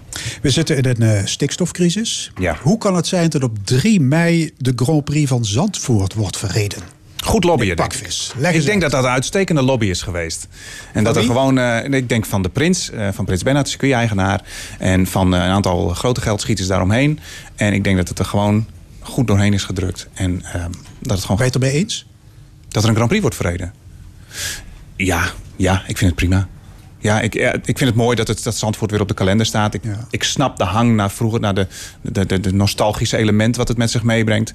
Ehm, ik hoop dat het een leuke race wordt. Want Zandvoort Het is, circuit wordt nu helemaal gerenoveerd. Ja. Zonder dat de benodigde vergunningen binnen zijn. Ja. Hoe, kan dat nou weer? Ja, dat zou je de beleidsmakers moeten vragen. Goed, terug naar de Verstappens. Eh, zowel vader als zoon waren excellente rijders in de regen. Ja. Dat hebben ze geleerd, lees ik in je boek, op de, op de kartbaan. Ja. Ehm, wat is de moeilijkheid bij regen? Bij regen ehm, valt eigenlijk alles weg wat je normaal gesproken op een droge baan wel hebt. Dus je hebt bijvoorbeeld downforce. Een Formule 1 auto heeft downforce. Dat betekent dat je heel hard door een bocht kan rijden. Hoe harder je door een bocht gaat, hoe harder die downforce werkt. Bij- in de regen valt het allemaal wat... Ja, ik zeg niet, het valt niet helemaal weg, maar het valt voor een heel groot deel weg. De, de, het Dus de, asfalt, de grip wordt de grip minder. wordt veel minder en het asfalt wordt veel gladder. En het kan zomaar zijn dat je op, op één moment de controle over de auto verliest. En om te opereren op dat snijvlak tussen waar nog grip is en waar je hem echt kwijt bent...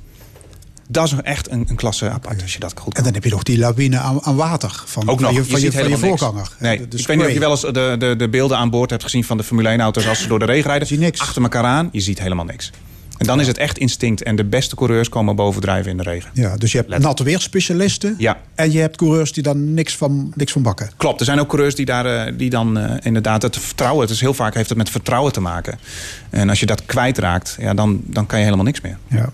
Legendarisch is de Grand Prix van Brazilië in 2016. Ja. Het water valt met bakken uit de hemel. Max ligt op P16. Ja, P16, En dan? ja. Ja, Maar zo zeggen ze dat toch, hè? P16. Ja, klopt helemaal, ja. Eh, en toen, eh, ja, toen niet lang meer. Toen eh, is hij, geloof ik, in, uit mijn hoofd, iets van 16 ronden... is hij naar de derde plaats gereden. Dat was absoluut waanzinnig.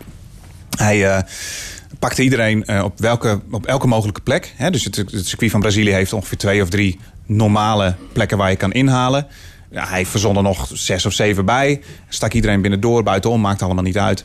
Ehm, ja, dat was een, een ongelofelijke wedstrijd. Ja, ja, je, je vindt Max een potentiële wereldkampioen. Absoluut. Maar zijn pa, heeft hij nou alles uit zijn carrière gehaald? Nee, Jos heeft niet alles uit zijn carrière gehaald. Nee, nee dat, eh, als hij, dat, en dat zal hij zelf ook zeggen. Hij, hij, heeft, ehm, hij is gedebuteerd in 1994 bij Benetton... bij een team wat volledig draaide om Michael Schumacher. Ehm, vervolgens moest hij, werd hij min of meer aan zijn lot overgelaten. Dat, dat is nu heel hard gezegd, maar er werd veel minder naar hem omgekeken dan naar Michael Schumacher. En hij was gewoon, hij was heel jong, hij was, hij was amper droog achter de oren. En vervolgens moest hij zich gaan redden in het, in het grootste team van dat moment. Dat is hem niet gelukt. Eh, dat is heel begrijpelijk. En vervolgens ehm, heeft geen enkel ander team eh, van naam, laat ik het zo zeggen, dus een, een team wat kans maakt op succes, heeft hem opgepakt. En ja, de, het talent was er. Alleen ja, de beslissingen waren hier en daar niet altijd even gelukkig. En dan kan het opeens heel snel gaan. Ja. Ehm, Max die is niet alleen op, maar ook buiten de baan nogal controversieel. Ja. Ehm, hij zei een keer, ik rij ze nog liever van de baan dat ik ze voorbij laat. Ja. Hij heeft een keer uitgescholden voor Mongool. Ja. Hij zocht ruzie met Ocon, als ik het goed uitspreek. Heeft hij een kort lontje? Ja, dat denk ik wel. Eh, maar ik denk dat dat ook dat geldt voor heel veel Formule 1-coureurs. Je moet wel zien dat dat soort jongens... die rijden anderhalf uur lang eh, in een auto... die eh, op de rechte stukken 330, 340 rijdt... door de bochten met in wiel aan wiel in duel. Dit is aan, adrenaline spuit ze uit de oren. Vervolgens stappen ze uit de auto... en krijgen ze een microfoon onder de neus. Ja, dan ga je inderdaad wel eens wat dingen zeggen... eh Nee, maar dan hoef je nog geen gele vlag opzettelijk te negeren. Oh, zoals in Mexico. ja, zoals in ja, dat was onhandig. Ja. Ja. En Ferrari beschuldigd van fraude deed hij ook niet meteen na afloop. Nee, maar dat is, dat is dus precies de manier waarop hij, eh, waarop Max en daar hebben we het nu Impulsief. over. Eh, Impulsief, en, ehm, eh, maar ook gewoon zeggen waar het op staat. En eh, hij ziet dat op dat moment, op het moment dat hem gevraagd wordt, ziet hij dat als vals spelen. Even later was er een interview met Toto Wolff, dat was de teambaas van eh, Mercedes. Die zei min of meer hetzelfde, alleen in wat diplomatiekere termen. Die zei, ja, Ferrari heeft inderdaad eh, sinds, eh, sinds, wij, eh, sinds ze een wijziging hebben moeten doorvoeren in het motormanagement, hebben ze behoorlijk wat snelheid verloren, ja. Ja. Je, het is maar hoe je het brengt. Eh, Je noemt Max de grootste coureur van zijn generatie. En misschien wel van allemaal. Ehm, hij is op dit moment de, groot, de, de meest veelbelovende coureur van zijn generatie. En hij heeft de potentie om het te worden van allemaal. Ja, absoluut. Ja. We komen niks eh, in je boek te weten over Jos en Max eh, buiten de baan. Eh, hè, over hun privéleven. Klopt. Geen letter. Nee, heel bewust ook. Ik wilde, maar, ik wilde een sportboek schrijven. En ehm, hun privéleven gaat mij in dat opzicht eh, niets aan. Nee, nou ja, het zijn geen grijze muizen. Er valt Het zijn geen grijze muizen, Over hun eh, eh, relaties en ruzies en noem maar op. Ongetwijfeld, maar daar heb ik mij volledig eh, buiten gehouden. Dat laat je liggen voor een andere Dat mag iemand, als iemand anders wil doen, moet hij dat zeker doen. Maar ik, ben, ik schrijf liever over de Formule 1. Wat, wat vinden ze van jouw boek eigenlijk, Jos en Max? Ik hoop dat ze het mooi Het vinden. moet toch uitkomen, hè? Het moet nog uitkomen. Ja, maar ze, ze weten, weten ze dat je het geschreven hebt? Ja, dat verwacht ik wel, ja. Heb je contact met ze gehad? Nee, ik heb geen contact met ze gehad hierover. Nee. Ehm, ik eh, wist van te, kon van tevoren wel ongeveer inschatten dat als ik een boek over ze ga schrijven, dat zij zou zeggen: dat is leuk, ga je gang. Eh, maar wij gaan er niet aan meewerken. En ehm, dat is ook de handelswijze die we hebben gehanteerd. Oké, eerst volgende Grand Prix, volgende week zondag. Die Brazilië. Brazilië zag ik Ja. net hier op het scherm. Ja, Oké. Het boek Jos en Max is verschenen bij uitgeverij Ambo Antos. Ivo Pakvis, hartelijk dank. graag gedaan.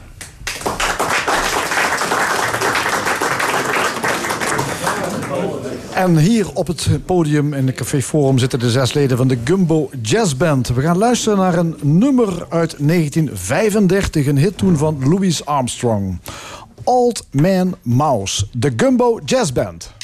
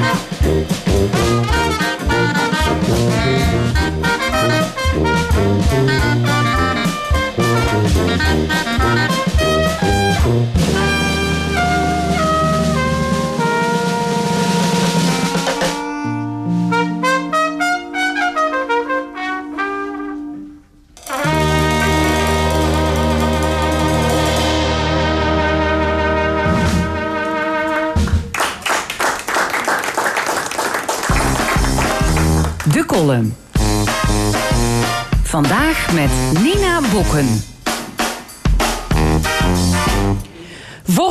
Heb ik mijn neus gebroken. Het gebeurde bij Krav Maga. Dat is een Israëlische vechtmethode. Het is ontwikkeld om je te verdedigen en om aanvallers uit te schakelen. Dat laatste lukte mijn tegenstander, die een trap gaf tegen mijn neus. Krak, zei hij. Tot dat moment had ik in mijn hele leven nog nooit een bloedneus gehad of iets gebroken. Vaak weet je wel dat iets riskant is, maar er werkelijk van doordrongen raken, dat gebeurt pas wanneer het echt misgaat. Zo werkt het menselijk brein nu eenmaal. Oorzaak en gevolg worden pas aan elkaar gekoppeld wanneer het gevolg hoogst persoonlijk wordt ondergaan. Tot die tijd heb je geen idee waar je mee bezig bent. Mijn neus moest later worden teruggebroken in het ziekenhuis. Daar zag ik dat het zorgpersoneel her en der protestspandoeken hadden opgehangen. Het was duidelijk dat deze sector niet bedreven is in het maken van dat soort dingen. De doeken hingen erbij als gedeprimeerde spoken, versierd met beleefde rijmpjes over een kleine loonsverhoging. Netjes, maar vaal ingekleurd met viltstift. Het doet denken aan de lerarenstaking deze week, waar docenten werden berispt door de politie omdat ze, als statement, op straat liepen in plaats van op de stoep. Eigenlijk alle acties lijken te sneu voor woorden vergeleken bij de boerenprotesten die, als we de boeren moeten geloven, nog maar de aftrap waren. Toch begint het aan alle kanten te rommelen. Want niemand weet waar die mee bezig is totdat het misgaat. Gevolgen van decennia lang korte termijn denken worden nu duidelijk. Kijk naar landbouw, klimaat en de publieke sector. Toen minister Schippers begon te knoeien aan het zorgstelsel, sloegen professionals al groot alarm. Nu is jeugdzorg een beerput. Lopen wachtlijsten de klauwen uit, wandelen er meer eh, verwarde mensen op straat en is de druk op de zorgwerkvloer torenhoog door het personeelstekort. Ik kan het weten, want ik heb zelf bijna 18 jaar in de GGZ gewerkt. De protocolletjes, procedures en administratie waarmee je te maken krijgt terwijl het om acute en complexe situaties in mensenlevens gaat, zijn om gek van te worden. Dat gebeurde dan ook. Toen ik een burn-out kreeg en daarbij zelf hulp vroeg, moest ik vier maanden wachten op een consult. In de tussentijd ontwikkelden mijn klachten zich tot een depressie. Toen ik eenmaal terecht kon, moest ik het doen met een gestandaardiseerd gesprekje eens in de zoveel tijd. Het hielp geen reet. Wat ik toen ben gaan doen, Krav Maga. Rake klappen incasseren en uitdelen brachten me weer bij zinnen. De breuk was niet het ergste.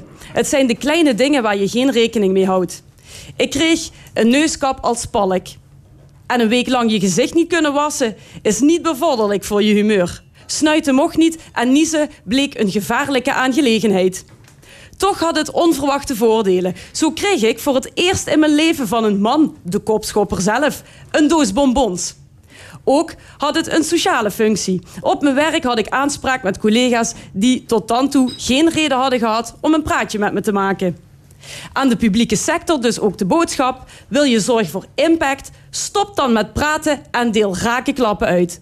Pas dan ontwaakt men uit de waan van de dag. Zo werkt het menselijk brein nu eenmaal. De column van Nina Bokken. U luistert naar L1 met De Stemming. We zijn toe aan het discussiepanel. Vandaag twee voormalige parlementariërs aan tafel. Ik heet van harte welkom Jan de Wit, voormalig Eerste en Tweede Kamerlid voor de SP. En Karen Leunissen, ex-senator voor het CDA. VVD Tweede Kamerlid Kelly Rechterschot heeft zich wegens ziekte afgemeld.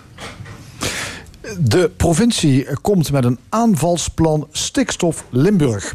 En daarmee moeten bouwprojecten eh, en andere projecten die nu stil liggen opgestart kunnen worden. Eh, als eerste denkt de provincie erover om boerderijen en andere bedrijven op te kopen als ze te veel stikstof uitstoten. Ja, wat vinden jullie van het eh, idee, Jan de Wit, zo'n aanvalsplan stikstof? Ik, kan me, ik kan me wel iets bij voorstellen. Ik kan me ook voorstellen dat de provincie de haast en de urgentie eh, ziet om eh, nu wat eh, te gaan doen. Omdat er toch, ja, zoals gezegd, alles stil ligt. Wat ik jammer vind, is dat. ehm, dat, kijk, ik vind de uitspraak van de Raad van State van mei van dit jaar, vind ik eh, in zekere zin een enorm eh, scherp signaal van de, van de rechter die vindt dat het zo niet door kan gaan met het eh, beleid of het non-beleid van de Nederlandse overheid. En ehm, ja, als gevolg van die uitspraak ligt alles stil, zoals het eh, heet. Maar ik zou vinden dat, of ik vind dat die, die uitspraak eigenlijk de, de gelegenheid biedt om gewoon orde op zaken te stellen. Om nu, om nu eens een keer goed te kijken hoe moet Nederland er nou uitzien? Wat willen wij met natuurgebieden? Waar mag er gebouwd worden? Wat moeten de boeren wel en niet eh, doen? En eh, ja, doordat de urgentie zo hoog wordt gemaakt eh, op dit moment, ehm, gaat die kans eigenlijk voorbij. En gaan we volgens mij weer van de ene maatregel naar de andere. Maar een echte aanpak, ik moet het nog zien dat het, eh, dat het gebeurt. Een soort paniekvoetbal. Ja, dat, eh, daar, daar heeft het eh, alle schijn van. Ehm, ik, ik ben ook heel benieuwd hoe de provincie dat gaat doen. Dat onderzoek, welke bedrijven gaan we opkopen? Hè, boeren of industrie, het maakt niet uit. Wat gaan we opkopen? Wat moeten we gaan verplaatsen? Ik ben heel benieuwd waar die analyse eh, op gebaseerd is. Hoe die in elkaar zit. Want daar gaat het toch om. Op, op de langere termijn. En niet om, om, om echt op korte termijn weer eh, iets, iets eh, los te trekken. Ja, Karel Leunissen, hoe zie jij het? Nou, ik ben er. eh, ik kijk, die, die uitspraak van de Raad van State die heeft de zaak op scherp gezet. En die nodigt de regering, maar ook de provinciale eh, bestuurderen uit om eh, krachtige maatregelen te nemen. De tijd van pap en nat houden is voorbij. Het geeft ook eh, een soort ehm, eh, goedkeuring aan die bestuurder om die maatregelen te nemen ten opzichte van de bevolking, zal ik zeggen. En er moeten echt rigoureuze maatregelen genomen worden, want zoals ik net zei, eh, er moet iets gebeuren. Dus dat opkopen van die bedrijven vind ik helemaal niet zo'n slecht idee. Dat is een rigoureuze maatregel die eh, tot succes kan leiden. De vraag is alleen waar ze het geld vandaan halen. En dat is weer niet doordacht. Eh, Hubert Max zegt van nou, de staat moet daar, het Rijk moet daar even gaan bijdragen aan dat opkopen van die boerenbedrijven en die industrieën die eigenlijk veel stikstof en andere eh, schadelijke stoffen, CO2 en dergelijke uitstoten. Maar of dat snel en goed te realiseren is, is toch maar de vraag. En dat wacht ik eh, af. Maar dat wil ik niet al te lang afwachten, want er moet echt iets gebeuren. Dus ik ga ervan uit dat er binnen eh, afzienbare tijd... daar heel concrete eh, eh, plannen over komen. hè. En dat er ook iets gedaan wordt aan het in absolute zin terugdringen van die stikstofuitstoot. Je moet de zaak niet verleggen van de randen van de Natura 2000 gebieden naar andere gebieden, zodat de absolute uitstoot hetzelfde blijft. Nee, nu moeten we de kans aangrijpen om tot een absolute reductie van die stikstofuitstoot. Ja, Jan de Wit, Ja. SP. Ja, dat klopt. Ehm, dat, dat is waar. Ehm, de, de discussie van de afgelopen weken, zeker de boeren op, eh, op het Malieveld en in het land die eh, daarover geïnterviewd worden, die wekken de indruk. Die wekken de indruk dat die Natura 2000 gebieden, die zijn er later gekomen dan de boeren. De boeren waren er eerst, Natura 2000 als later. Maar op zichzelf is dat niet boeiend. We hebben gekozen voor, natura, voor natuur voor natuurgebieden in ons land. En eh, om nu te zeggen, oké, dan weet je, die natuurgebieden, joh, het maar een rotzorg zijn. eh, eh, de ploeg erin en, en, en, en weg ermee. Dus die discussie is, wordt eigenlijk door de boeren op dit moment eh, aangewakkerd. En dat zou helemaal verkeerd zijn. En er is nog een ander argument om wat, wat Karel en, en ik ook eigenlijk hier betogen. Dat is dat, hè, dus dat, dat, dat je echt goed moet nadenken. Wat gaan we nu doen? Want als je kijkt naar het, eh, wat afgelopen week eh, in het nieuws is gekomen over het RIVM. Hè, die, die over de maximumsnelheid zegt als je in natuur, bij Natura Natura 2000 gebieden, als je daar de snelheid terugbrengt, alleen daar al tot, tot 100 km per uur, dan boek je een enorme eh, winst. En zouden zomaar eh, kleinere projecten eh, die nu stilgelegd zijn, vlot getrokken kunnen worden. Als je kijkt aan de andere kant naar het CBS, die gisteren met een rapport in het nieuws komen, die dus zeggen, ja, jullie praten wel over stikstof, maar je weet eigenlijk niet waar je het over hebt. Eh, als je ziet dat er veel, veel meer stikstof vrijkomt dan we tot nu toe hebben aangenomen. En al die maatregelen in varkensstallen met luchtwassers of wat dan ook, dat helpt maar voor een deel. Het meeste eh, gaat er langs, bij wijze van spreken, om het zomaar in mijn termen eh, te zeggen. Dus we zijn nog lang niet aan de juiste aanpak toe. Daar moeten we goed over nadenken. En dat, dat geeft, is te meer reden om te zeggen: laten we nu echt fundamenteel onderzoeken. Wat willen wij? Hoe moet dat land van ons eruit Ja. zien? Wat ik mij ook afvraag, we constateren dat als er maatregelen genomen worden, bijvoorbeeld we gaan 100 rijden, dan is er weer ruimte voor projecten. Maar dan gaan we dus eigenlijk die ruimte die vrijgekomen is Ja, weer maar die- opvullen. die Terwijl ruimte de, stikstofuitstoot toch in zijn geheel omlaag moet. Ja, maar dat denk ik elke, niet. el- elke mogelijkheid om het terug te dringen, grijpen we op een andere plek weer aan om dan meer te gaan produceren. Kijk, dat die woningbouw nu stil ligt, dat kunnen we niet hebben. Dat, dat is maatschappelijk gezien niet acceptabel. Er zijn zoveel mensen die wachten op een fatsoenlijke woning. Daar moet echt iets aan gebeuren. Dit kunnen we ons niet veroorloven als Nederland. Dus er moet iets aan gebeuren. Dus er moet ruimte voor gemaakt worden. Maar ik denk dat die verkeersmaatregel... dat dat niet alleen langs de Natura 2000 gebieden... minder snel gereden mag worden. Maar nu moeten ze de kans grijpen om te zeggen... weet je wat, in Nederland is 100 de maximale snelheid. Op welke weg dan ook, op iedere autobaan. En dat, dat, daar krijg je nu de handen voor op elkaar, denk ik. En dat moet je nu aangrijpen en, en doorvoeren. Ja. gedeputeerde Ger Koopmans was als Kamerlid een van de architecten van de pasregeling, waar de Raad van State dus nu een einde aan heeft gemaakt. Koopmans die zegt nu dat de Raad van State een ravage heeft aangericht. Ja. Hoe Ja, ik denk kijk jij dat- dat tegenaan, ik Jan de Wit? Ik, eh, ik denk, ja, nou ja, eh, de gedeputeerde Koopmans eh, staat bekend om zijn eh, redelijk eh, heldere eh, uitspraken, om het, zo maar, eh, om het zo te noemen. Maar als je goed kijkt, wie heeft de ravage aangericht? Wie heeft de ravage veroorzaakt in ons land? Dat is onder andere eh Ger Koopmans, doordat hij samen met Diederik Samson dat pas, hè, dus het, de aanpak van het stikstofbeleid, heeft ontwikkeld. Maar de politiek, de Tweede Kamer, de coalities, de regeringen van, het afgelopen, van de afgelopen jaren hebben steeds dit beleid, eh, zeg maar, eh, steeds gezwabberd. Hè. Eh, dan moest er die maatregel worden getroffen. Dan kwamen de boeren in opstand en dan moest dat weer afgezwakt worden. Dan moest er weer iets anders bedacht worden. Er is een beleid gevoerd als gevolg waarvan dat stikstofprobleem ontstaan is. De enige die heeft gezegd, en nou is het genoeg, is de Raad van State geweest, nogmaals. Dus met andere woorden, de politiek, de Tweede Kamer, de kabinetten, noem maar op, die moeten vooral de hand in eigen boezem steken. Omdat, om- omdat er gewoon geen duidelijk beleid is geweest. Neem nou het, alleen al het probleem van het pasbeleid van Ger Koopmans zelf. Dat gaat ervan uit dat als ik vandaag een vergunning krijg voor een, eh, voor een kasteel te bouwen, bij wijze van spreken, dan moet ik zelf bekijken wanneer ik ooit die compensatie voor de schade die ik aanricht, wanneer ik dat nou ga doen. Nou, er zullen dus de afgelopen jaren nogal wat eh, bouwwerken gema- gemaakt zijn waar die compensatie nog in de lucht hangt. Ja. Door, door het nu af te schaffen, wordt er geen enkele maatregel meer getroffen. Ja, de Helemaal ravage niks. is aangericht door regeringen en kabinetten van de afgelopen tijd, Karel Leunissen. Ja, door de, de onmachtigheid om... Kijk, dat pas, dat, dat was ook een, een snelle oplossing voor een groot probleem. Toen ter tijd. Dat komt uit de koken van Diederik Samson en Ger Koopmans. Die hebben dat initiële idee gehad.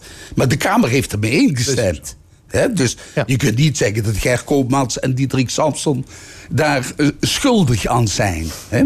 Dus dat, dat is één. Niemand heeft schuld. Mede de ravage Maar eh, de, de, de, de opeenvolgende regeringen die hebben niet die invulling gegeven om die stikstofuitstoot terug te dringen. En dat is het grote probleem geweest. En ja, de Raad van State heeft een ravage aangericht, want alles is stil komen te liggen.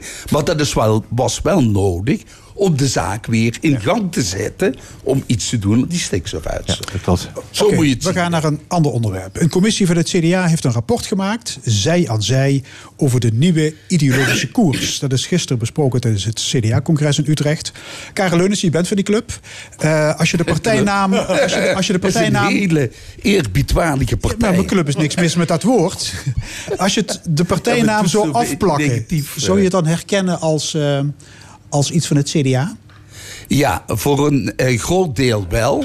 Ehm, weer kijk, ze hebben geconstateerd eh, in de afgelopen jaren dat het niet goed gaat met Nederland. En ik denk dat, dat daar ben ik het volledig mee eens. Ik, ik had ook moeite met sommige standpunten die Buma heeft ingenomen. We hebben het over de, de, de, de studentenbeurs. Hè dat mensen een lening moesten aangaan, de vrijheid van, van onderwijs, noem maar op. Dat soort dingen, dat, dat werd allemaal eh, te zeer gereguleerd en weer ingedampt. En mensen, het is een rat race geworden, het leven. Het individualisme steekt de kop op. Je bent overal zelf verantwoordelijk voor. Eh, nou, zo'n rat race leidt ook tot afvallers. eh, en die laten ze liggen. eh, eh, ja, Dus het CDA is nu voor de, de inclusieve samenleving, zal ik Ja, maar zeggen. het ontwikkelt zich maatschappelijk niet goed en daar is men op terug. Ja, dus er wordt afstand genomen, laat ik zeggen, van het conservatieve gedachtegoed van Buma. Die het vooral wilde het- opnemen Nou, dat- voor de ja, boze ja, burger. hè? Dat is nu... het radicale midden. Nu gaat men wat meer terug naar het oude CDA-standpunt. Waar wij ben eh, ja, in, in, eh, ja, meer aandacht wil geven aan de maatschappij, aan het, het gezamenlijk ontwikkelen van nieuwe dingen om Nederland klaar te maken voor de toekomst, waar voor ieder mens een plaats is. Daar gaat het voor zijn kennen en kunnen. Ja, Jan, ben jij CDA-watcher? Heb je visie op, eh, op dat rapport? Nou, ehm, ja, het, het klinkt misschien vreemd, maar dit is een eh, baanbrekend eh, rapport. Eh, en ik constateer dat het CDA steeds dichter naar de SP toeschuift. Als, ik, als ik alleen al het punt Ja, volgens mij is er een fusie aanstaande tussen, misschien één club. Ook op. Dus dat er in dit, heet het, dat er in dit rapport afgerekend wordt met het neoliberalisme. Ja, dat deed Jan Marijnis dat is heel in, duidelijk. in, in, in zijn boek al in 1996. Ja, er staat letterlijk de huidige kapitalistische economie moet worden heruitgevonden. Ja. Dit is niet het radicale midden, dit is radicaal links, hè? Ja, En, en, en, en met name dus het punt wat Karen ook aan de orde stelt... dat, dat het neoliberalisme is ervan uitgegaan... jongens, zoek het zelf uit. Het, eh, eigen verantwoordelijkheid. Wil je geluk hebben? Doe dat zelf. Allemaal die eigen verantwoordelijkheid, het individualisme... en aan de andere kant de terugtredende overheid. En wat Ja. lees ik dan in dat rapport nu op dat punt... dat ook eh, zeg maar deze commissie van het CDA zegt... we moeten toch meer naar een duidelijkere plek voor de overheid. En de overheid moet niet alleen, hè, zoals de christelijke termen eh, genoemd... De, de, de zwakke, het schild voor de zwakke eh, zijn. Maar, het, het, zeg maar de overheid moet ook krachtig zijn, moet ook duidelijk eh, eh, moet gezag hebben en moet in ieder geval richting kunnen geven aan de ontwikkeling in een land. Ja, dat is toch eh, een hele nieuwe ontwikkeling waarvan ik zeg, van, nou, daar ben ik het hardgrondig mee eens, omdat dat inderdaad afrekent met die harde lijn die inderdaad door, door Buma is, eh, is, is verwoord. En doordat het veel meer de, de nadruk legt op ja, toch opkomen voor de mensen en samenwerking zoeken enzovoorts. Dat, eh, dat spreekt Ja, mij en, niet en bovendien, de, de VVD, die, die andere club, die is ook heel kritisch op de vrije markt. Hè? Fractieleider Dijkhoff vindt dat dat marktdenken moet worden bijgestuurd. Wat is hier gaande? Nou, toen ik in de Eerste Kamer zat, was trouwens een van de schrijvers van dit eh, Zij en Zij rapport, Ab Klink. Dat was een echte vrije marktdenker. En die is helemaal omgegaan. Ik heb hem laatst ook eens gesproken. En ja, ze hebben allemaal hun neus gestoten met dat vrije marktdenken. Daar zitten we gewoon aan, het, en aan de economische, het, het voortdurend focusseren op economische groei. Hè, in het kader van die vrije markt, denk ik. Ja, en, en, over de en over de landbouw wordt gezegd... we zijn de tweede voedselexporteur van de wereld... maar we moeten af van die Ja. focus. Duurzaamheid, dierenwelzijn en het inkomen van de boer zijn veel belangrijker. Dat is gisteren wel een beetje bijgesteld. Dat is hè? bijgesteld, ja. Daar- Het moet, dat u in balans, het moet u in balans zijn. Maar Andy toch, het Schreier is- Pierik van Ja, de ja, ja. Europarlement... die overigens door de boeren in het parlement is gekozen met volksstem... die heeft daar eh, reuring gemaakt... met de hulp van Joop Altsma. En die hebben het eh, iets bijgesteld. Ja, maar desondanks, ze zullen het dat blijft toch- iets wat revolutionaire taal. Dus er zal, men zal er iets aan moeten doen, ook vanuit het CDA. Nou ja, het, het, het is. Het is eh, dat rapport is ook wat dat betreft een trendbreuk. Hè, dat, dat eigenlijk het beleid van het CDA jarenlang is geweest. Hè, schaalvergroting, grote megastallen. Ehm, en, en met name de nadruk op, op, de, op, de, op de export. Eh, dat is het beleid van het CDA geweest. Daar wordt nu afstand van genomen. En er wordt toch gezegd van... laten we het meer zoeken in de kwaliteit. Kwaliteit, ja. In de kwaliteit van wat wij eh, leveren. En dat biedt toch in ieder geval een perspectief... voor een ander... eh, Maar er zal heel veel andere dingen ook moeten gebeuren. We hebben het laatst al eens gehad over de enorme import vanuit Brazilië. Waardoor die supermarkten dumpprijzen, eh, vlees en dumpprijzen kunnen aanbieden. Ja, dat, daar zul je toch als overheid iets aan moeten gaan doen, denk ik. En, en ja, om op die manier die boer ook de kans te geven om te kunnen overleven. Al zijn het er minder en moet de veestapel wat terug. Dat zal toch onoverkomelijk eh, zijn, denk ik. En eh, daar moeten snel plannen over gemaakt worden, ja. Maar dat is, dat is overigens een, een, punt wat, eh, wat nu ook eh, Rutte voor zijn kiezen krijgt. Hè? Dat, eh, waar is het kabinet? Waar is Rutte? Waar is de, het leiderschap? Is weer aan de, aan de orde. Hè? Dus dat, dat stikstofprobleem dat wordt maar groter. De problemen in de samenleving, of het nou over de zorg gaat... of het onderwijs, zeg maar de, de positie van de leerkrachten... de problemen worden gigantisch. en worden met name ook onder invloed van dat marktdenken... Uh, maar- die worden steeds groter. En het, ja, ik vind het toch een keer daar- dat, dat het zo moet zijn dat het kabinet toch eens een keer duidelijk maakt van welke kant gaan wij eh, op. Dat is er veel spanning hè, binnen, binnen de coalitiepartijen. Ja, Hè? Ook, ook gezin Beideveld met, met het bombardement, Irak. Ja, als het daarover. Nee, daar hoeven we niet over te hebben. Maar ik bedoel, dat, dat, er speelt van alles. Dat, is, dat is een. Ja, speelt, speelt van alles, want daar willen, willen we het ook over hebben. De jeugdzorg, eh, om maar eens een onderwerp te nemen. Ehm, ja, het kabinet eh, zegt nu ook, daar moet ingegrepen worden. Gemeenten die worden verplicht om toch meer te gaan samenwerken... om problemen op te lossen in eh, ja, gemeentelijke samenwerkingsverbanden. Is de decentralisatie van de jeugdzorg van Rijk naar gemeente... is die mislukt, Jan de Wit? Ja. Ja, die is mislukt. Eh, als je tenminste kijkt wat de problemen zijn op dit moment. Het, het grootste probleem dat de, de, zeg maar ook hier weer de, de, de politiek, de Kamer, heeft uh, teweeggebracht, is dat met de decentralisatie, waar je je wel wat kunt bij voorstellen, hè, dus dat je, dat je het veel dichter legt, zeg maar, het, het, het, het aanpak en wandelniveau, zeg maar, waar de mensen zelf zitten, dus bij de gemeente. Maar er is 15% op het budget gekort destijds, in, per, per 1 januari 2015. Dus dat, dat, dat, dat zijn gigantische bedragen die men dus minder heeft. En als je kijkt waar dat toe geleid heeft, dat is een lappendeken in, in, in Nederland aan vormen waarin de jeugd uh, zeg maar, wordt tegemoet getreden. Met alle gevolgen van dien. Dat, er, dat dus, dus de ene gemeente zegt: ja, als ik een miljoen krijg van het Rijk, geef ik maar een miljoen uit en geen cent meer. Nou, uh, er zijn andere gemeenten die, bijvoorbeeld Heerlen, heeft een hele andere aanpak ontwikkeld. Heeft dat aanbestedingsbeleid eruit gehaald. En heeft gewoon gezegd: wie wil er meedoen met een soort pool, laat ik het zo maar even noemen. Waardoor je beter de, de tarieven ook kunt beheersen. Er zijn andere gemeenten, hè, dat wordt dan ook gezegd, die al regionaal samenwerken. Maar het grote probleem is, er zijn wachtlijsten. Dus uh, wat uh, de columnist van vanmorgen ook al zei. Nou, is dat, dat ja, je moet, dat zijn dan wachttijden voor. in, in de jeugdzorg, waar acute problemen zich voordoen voor kinderen die, die hulp nodig hebben, is dat buitengewoon ernstig. Ja, is het een organisatorisch probleem of is het nog een geldprobleem?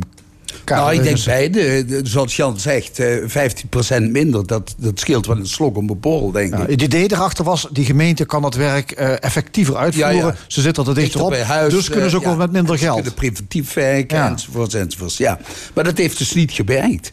Het is, eh, de gemeenten hebben dat niet aangekund. En eh, de- die efficiency, eh, die is er niet uitgekomen.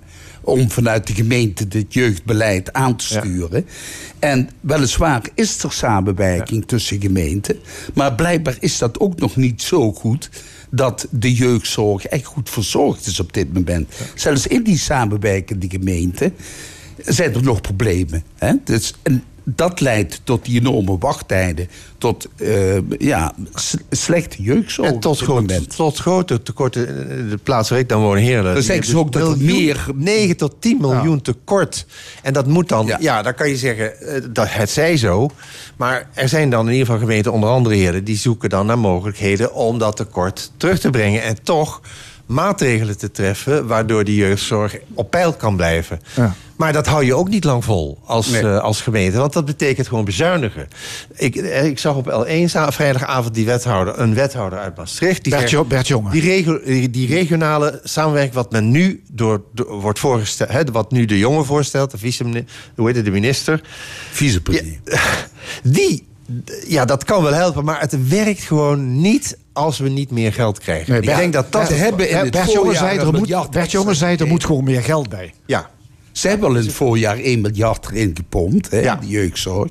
Maar dat zal structureel moeten worden. Willen ze dat eh, überhaupt... eh, wil dat tot enig succes leiden? Nou, is het ook nog zo dat doordat die gemeenten het werk doen... komen er misschien ook meer jeugdigen in het vizier? En dus is er dus ook gewoon meer aanbod? Ja, dat blijkt vraag? ook. Er is een enorme toename in aantal eh, jeugdigen... Ja. die onder de, de, de jeugdzorg vallen. Dus in die zin werkt het En het misschien is wel goed. goed doorgeschoten met allerlei protocollen en toestanden. Ik denk dat, dat eh, iedere jeugdige bijna in, in een of andere diagnose heeft. En dan heb je ook nog de agressie tegen het personeel. Ja. Het bureau Jeugdzorg Limburg krijgt ieder jaar te maken met 120 gevallen van Ja. agressie. Ja. Wa- waarom worden die medewerkers zo belaagd? Wat is dit? Nou ja, voor een deel. Ik, ik kan het niet helemaal. Ik bedoel, ik heb er geen studie van gemaakt. Maar het is natuurlijk wel zo. Het, het is een hele maatschappelijke trend. Hè? Dat eh, zeg maar een, een huisarts die, eh, die iets niet goed doet. eh, die krijgt ook onmiddellijk Ja, steen ambulancepersoneel. Ambulancepersoneel. Dus het is de, ook de, de tendens die je in de samenleving ziet. Van verharding, van verhuftering, zeg maar. Maar aan de andere kant, dat heb ik in de, in de, in de tijd dat ik zelf ook nog met, met eh, dit, dit onderwerp te maken had vanuit de advocatuur. Er, ja, ouders van wie een kind wordt afgenomen of buitenshuis wordt geplaatst of in een inrichting wordt geplaatst, dat is ook niet misselijk. Eh, dus er zijn het wel ouders die, ja, die daar natuurlijk Ja, wel dat is toch een reden om iemand met de dood te bedreigen Maar- op social media? Tuurlijk, eh, maar er- en dan, dan kan er ook nog, dan ligt het aan de hulpverlener zelf of aan de betrokkenen hoe die functioneert. Dat kan er ook toe bijdragen dat de verhouding eh, verhardt. Dus er, er gebeuren natuurlijk wel ernstige dingen die bij ouders in ieder geval de indruk kunnen wekken. En ja, het- dat zit niet lekker. En het heeft ook te maken, denk ik, met het feit dat er geen continuïteit zit in de begeleiding van zijn jeugdige. Dan is het meneer X, dan is het mevrouw Y, dan wordt die daar naartoe gestuurd. Er zit totaal geen continuïteit in. Als dat één iemand zou zijn die een bepaalde vertrouwensband zou kunnen opbouwen, dat is ook in de geneeskunde zo overigens. Hè. Dat, dat is al een, een, een wereld van verschil heb je dan al gemaakt. Dan eh, de provincie Limburg. Die geeft 425.000 euro per jaar uit aan zogenoemde netwerkbijeenkomsten. Borrels, recepties, VIP-lounges. Van André Rieu tot eh, Jumping Indoor. Limburg op de kaart zetten, Jan de Wit. Mag dat wat kosten? Eh, niet te veel zou ik zeggen. Dit, dit is wel heel, heel, erg, heel erg veel. Ehm, en je moet je af... Kijk, als iemand eh, afscheid neemt of wat dan ook... dat je, daar, eh, dat, je dat eh, een beetje feestelijk aankleedt, prima. Maar waarom moet de provincie bij dit soort gelegenheden... zoals André Rieu, de, de onderwerpen die je zelf noemt... waarom moet de provincie daarbij aanwezig zijn? En waarom Nou ja, het gaat om het uitwisselen van dak informatie en het vormen van allianties in een informele setting. Ja. En dat doen we met warmte en de hartelijkheid die bij onze provincie past. Ik zie, ik zie het helemaal voor me. Ik weet ook nog dat eh, de provincie toen een, een heel offensief richting Den Haag heeft eh, eh, georganiseerd door, door allerlei borrels en allerlei recepties en weet ik het allemaal wat. Ik geloof zelfs dat ze een tent hadden op het, eh, op het Binnenhof of op in ieder geval het plein voor de Tweede Kamer. Met heel veel geld promotie proberen te maken voor de provincie. Ja, ik vind dat de, de bedragen die hier genoemd worden, dat is waanzinnig. Ja, Dus wat dat betreft 425.000 is dat- euro per jaar. Karel Leuze, wat als vind er jij? wat uitkomt, ja. Dat, dat weet je nooit, hè, Nee. of het uitkomt. Maar is dat Nou, bedrag netwerk billijken? is altijd goed, denk ik. Maar ehm 450.000 euro eh, op jaarbasis... zelfs voor Burgondisch Limburg vind ik dat toch een beetje outrageous. Ja. Is, is Eh, dit typisch Limburgs of doen ze dat in Overijssel en Zeeland? Nou, doen ze ook wel, maar die zijn toch wat zinniger, denk ik. eh. Wat zinniger. Ja, Limburg is wat verder weg, dus heeft wat meer eh, pogingen nodig om in onder de aandacht te komen. Maar dit is echt overdreven. Dit slaat gewoon nergens op. Ja. Het is wel zo dat de begroting 2020 100.000 euro wordt bezuinigd op Ja. dit soort borrels en recepties. Klopt. Dus men voelt toch een beetje de buien. Men heeft wat ziekteinzicht. Ja. Oké, het is natuurlijk allemaal belastinggeld, hè? Ja. Nee, daar gaat het natuurlijk om. En eh, eh, nogmaals, wie komt, daarop, eh, wie komt daarop af en wat levert het op? En nou ja, het zijn natuurlijk moeilijke dingen om te onderzoeken. Maar dan kan je beter zeggen, nou laten we het wat rustiger aandoen. Iedereen weet waar Limburg ligt. En als je Limburg onder de aandacht moet brengen, dan ga je er maar naartoe met de trein of zo. Oké, hartelijk dank. Jan de Wit, Karel Leunissen. En dit was de stemming vandaag gemaakt door Erwin Jacob, Frank Heine, Joël Kelly, Fons Geraerts en Frank Ruber.